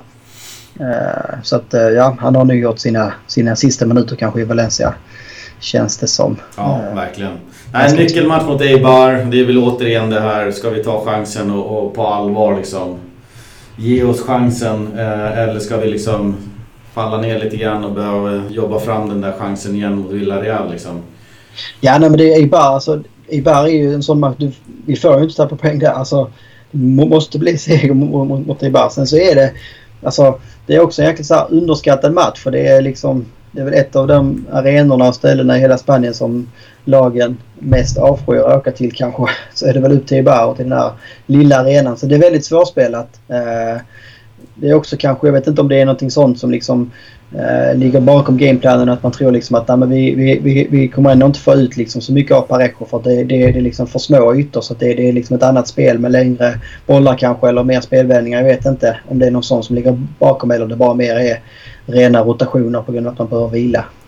Nej, det vet inte jag heller. Det, det enda jag vet är att eh, de Eh, skillnader som man tycker kanske finns i ekonomi och förutsättningar mellan Real och Barca och kanske Sevilla och Valencia. De finns ju absolut mellan Valencia och Eibar också. Det är ja. en otroligt liten klubb med väldigt, väldigt små förutsättningar. Och generellt sett så ska man kunna kräva eh, vinst mot Eibar. Så är det bara. Absolut, sen, så, absolut. sen så ska det spelas matcher och så vidare. Men det där är eh, klart överkomlig uppgift. Så är det. Ja. Eh, matchen efter det då? Villarreal. Härligt ja. Eh, derby som har kokat upp lite grann eh, som, som lite av ett hatmöte över tid här senaste åren. Ja det får man säga. Det är väl ett derby som aldrig liksom gått i perioder så liksom. Mm. Aldrig blivit det här tydliga hatderbyt som en del ibland kanske har velat få det till om man ska uttrycka det. Nej men det lyfter inte upp till de här höga höjderna. Det blir ju aldrig ett eh, Sevilla-Betis sådär men... Ja, nej. nej men det börjar bli lite li, li, li, sådär. Nu har vi en Paco Cassier mm. där. Det behöver lite spelare sådär som skapar lite känslor mellan lagen. Eh, och nu kanske ännu mer i år då. Det är väl första gången på länge som Villarreal och Valencia är så här tajta i tabellen och verkligen liksom slåss, slåss om samma placeringar. Eh, så Villarreal har ju stort sett tycker jag gjort en jättebra säsong. Eh, mm. Man har ju fått ihop ett bra lag i år också så det var kanske inte helt oväntat att man skulle kriga om Europaplatserna. Eh, och man har ju liksom fått fått en superbra start här efter, efter hela mm. coronavåren. Och det är, för deras del är det så, kollar man på deras spelschema framåt så måste de ju slå Valencia för sen kommer det betydligt tuffare liksom, matcher för dem. Så vinna hemma mot Valencia är ju nyckel för Villarreal om de liksom ska ha drömmen kvar om sin Champions League-plats tror jag. Uh, så att uh, det känns som ett av de liksom hetaste, mest intressanta vad Valencia vill ha derbyna på länge. Ja, verkligen. De har ju tagit in tre poäng på Sevilla som var ganska klar trea när det här startade om. Eh, och nu har väl möjlighet att liksom knappa in ytterligare dem. Så att, eh, det är ett lag som har vittring och, verkligen gjort det bra. Jag tyckte jag, jag såg matchen mot uh, match mot Sevilla. Bra match. Jag tyckte de genomförde det bra. Paco Alcacer målskytt. ledningen två gånger. Men mot slutet så var det nog Sevilla som, som hade taktpinnen och, och kunde ha tagit tre poäng. Men uh, Villarreal redde ut stormen och, och, det är starkt gjort. Ja, nej, men det känns som Sevilla var lite tyngre men ändå mm. är det en styrka att liksom inte tappa, tappa det helt. För att det var ju en väldigt viktig match för dem såklart. Alltså ett kryss där gör ju ändå att du håller samma, samma avstånd i alla fall. Mm. Uh, och för Valencia så är också ett kryss där helt, helt optimalt. Ja, verkligen. Vi håller alla tummar i världen för att vi går in i den matchen med tre poäng från Eibar borta och verkligen kan ge Villarreal en match på bortaplan och förhoppningsvis knipa tre poäng till där för då börjar det nog se bra ut i tabellen. Speciellt om den här äh, julklappsutdelningen fortsätter från äh, Sociedad och Getafe och Sevilla. Ja men exakt, och kollar man också omgång 33 och framåt så har ju Valencia relativt liksom bra spelschema där i fem omgångar. In... och Granada va? Ja, så det är ju liksom inte omöjligt att, att man ska kunna gå helt rent där fram till då Sevilla borta så att säga. Chansen finns. Vi håller alla tummar vi har. Jag eh, tänker att det är en halvtimme kvar till eh, Varros önskade 120 minuter men jag tror inte vi kan hålla liv i det här längre utan vi får nog ta och börja runda av. Klockan är fem i tolv och Ja, precis. Det skulle varit, vi skulle, skulle hållit igång eh, mickarna på mellansnacket så kanske ja, det är närmare. Då har det blivit närmare. Det fem i tolv och jag lovar det är 45 grader i mitt lilla rum här som jag sitter i. Det är helt sjukt. Ja, vi, vi får, det kanske blir det två intressanta matcher som väntar så det är väl inte omöjligt. Och vi har liksom en hel del oro och olika liksom eh, Diakabi-gate, Kondogbia-gate, Ferran mm. Torres-gate. Det kan bli mycket, mycket som kan hända samtidigt. Och, så det är väl inte helt omöjligt att vi inom en snar framtid kommer ha ett 120 minuters avsnitt kanske för att hinna, hinna med att täcka allt. Verkligen. Uh, ska jag ta en liten sista fråga till dig då? Bara din take på det hela. Uh, det var någon som slängde ut på Twitter, uh, en spansk någon, något konto som sa att Anledningen till att Ferran inte fått spela så mycket är för att han sitter i kontraktsförhandlingar och verkar inte vilja skriva på. Vad, vad, tror du om det? Liksom? Jag har tyckt lite grann att det är lite konstigt att inte Ferran får starta. Jag köper Soler eh, mot ett Real där man liksom känner att man är lite ja, underläge och det krävs kanske en eh, defensivt skickligare spelare, bättre på att täcka ytor, bättre så. Eh, men är det inte lite märkligt att han inte får starta någon match? Skadad när han kom in, men... Ja, nej, jag håller med. Alltså det, det, det, man kan tycka har varit lite konstigt det är väl eh, vad ska man säga, balansen mm. mellan Solers speltid och Ferrans speltid. Jag tycker det är lite konstigt kanske att Soler startat varje match. Där hade man kanske också önskat att man gått runt på de två lite mer. Liksom för, dels för att få igång båda men också för att det är, nej, men det är två bra spelare. Du behöver liksom inte favorisera den ena för kan jag, kan jag tycka. Uh, de är ganska olika spelare. Mm. Uh, men Soler har ju sina styrkor att han kanske är bättre tvåvägsspelare. Ferran har sina styrkor att han har det mer de här spetsegenskaperna i offensiven. Eh, jag köper inte alls det här att, eh, att man liksom satt honom i någon slags karantän. Då tror jag inte att han spelat alls. Mm. Att han, medan han hoppar in och gör lite längre inhopp och ryktas starta eh, imorgon mot Eibar. Så att det känns... Nej, det känns liksom så. Man försöker gripa någonting, eh, liksom göra en höna av en fjärde på något sätt. Så det, det, det, det, det tror jag inte även om det är... Jag tycker det är märkligt att han inte spelat mer. Sen vet man inte. Han kom ju liksom kom ju halvskadad tillbaka här också och var ju liksom osäkert sista veckan där mot Levante om han skulle liksom vara med i truppen eller inte. Eh, så det kanske är liksom så att man, man, man känner inte att han är fysiskt redo än så länge, länge för, för 90 minuter. Men det, det kanske han är nu då om man säger så. Ja, vi får hoppas det. Jag uppfattar det som att han hade ett sår på sitt knä om han sen hade slagit i det mot ett bord eller whatever. Men han hade ett sår.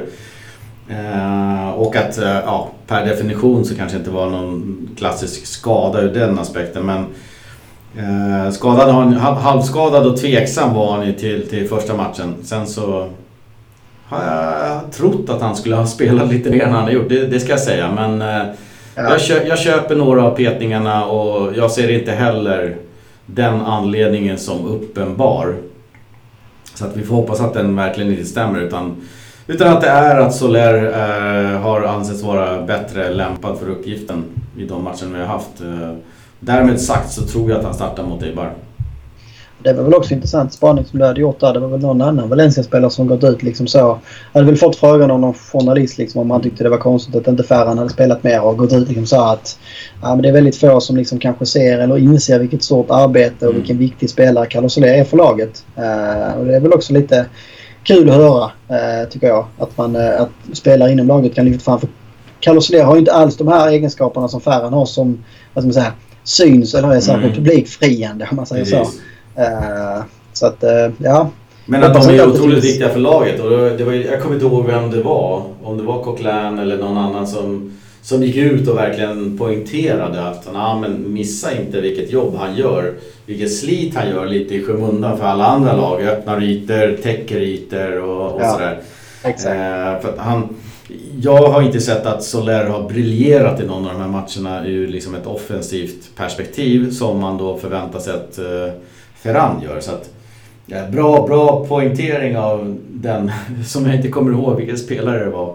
Ja, men jag, jag tycker det också är bra och nyanserad. Liksom. Att mm. båda, det är två väldigt olika spelare men båda är liksom i rätt match över en lång säsong så är båda två väldigt viktiga. Liksom. Det ska inte bara så Carlos Soler är bara nu inne för att Ferran Torres är lite skadad utan båda två kommer behövas för, för Valencias framgång och de kommer behövas kanske lite olika matchbilder om man säger så. Mm. Ja, verkligen. Vi ser fram emot mer av eh, Ferran Torres men jag vet inte. Om det ska betyda mindre av Soler då kanske. Nej, det är inte den. det får gärna vara både och. Så låter vi det vara där. Tack för att ni har lyssnat idag och ett hasta luego. Hasta luego.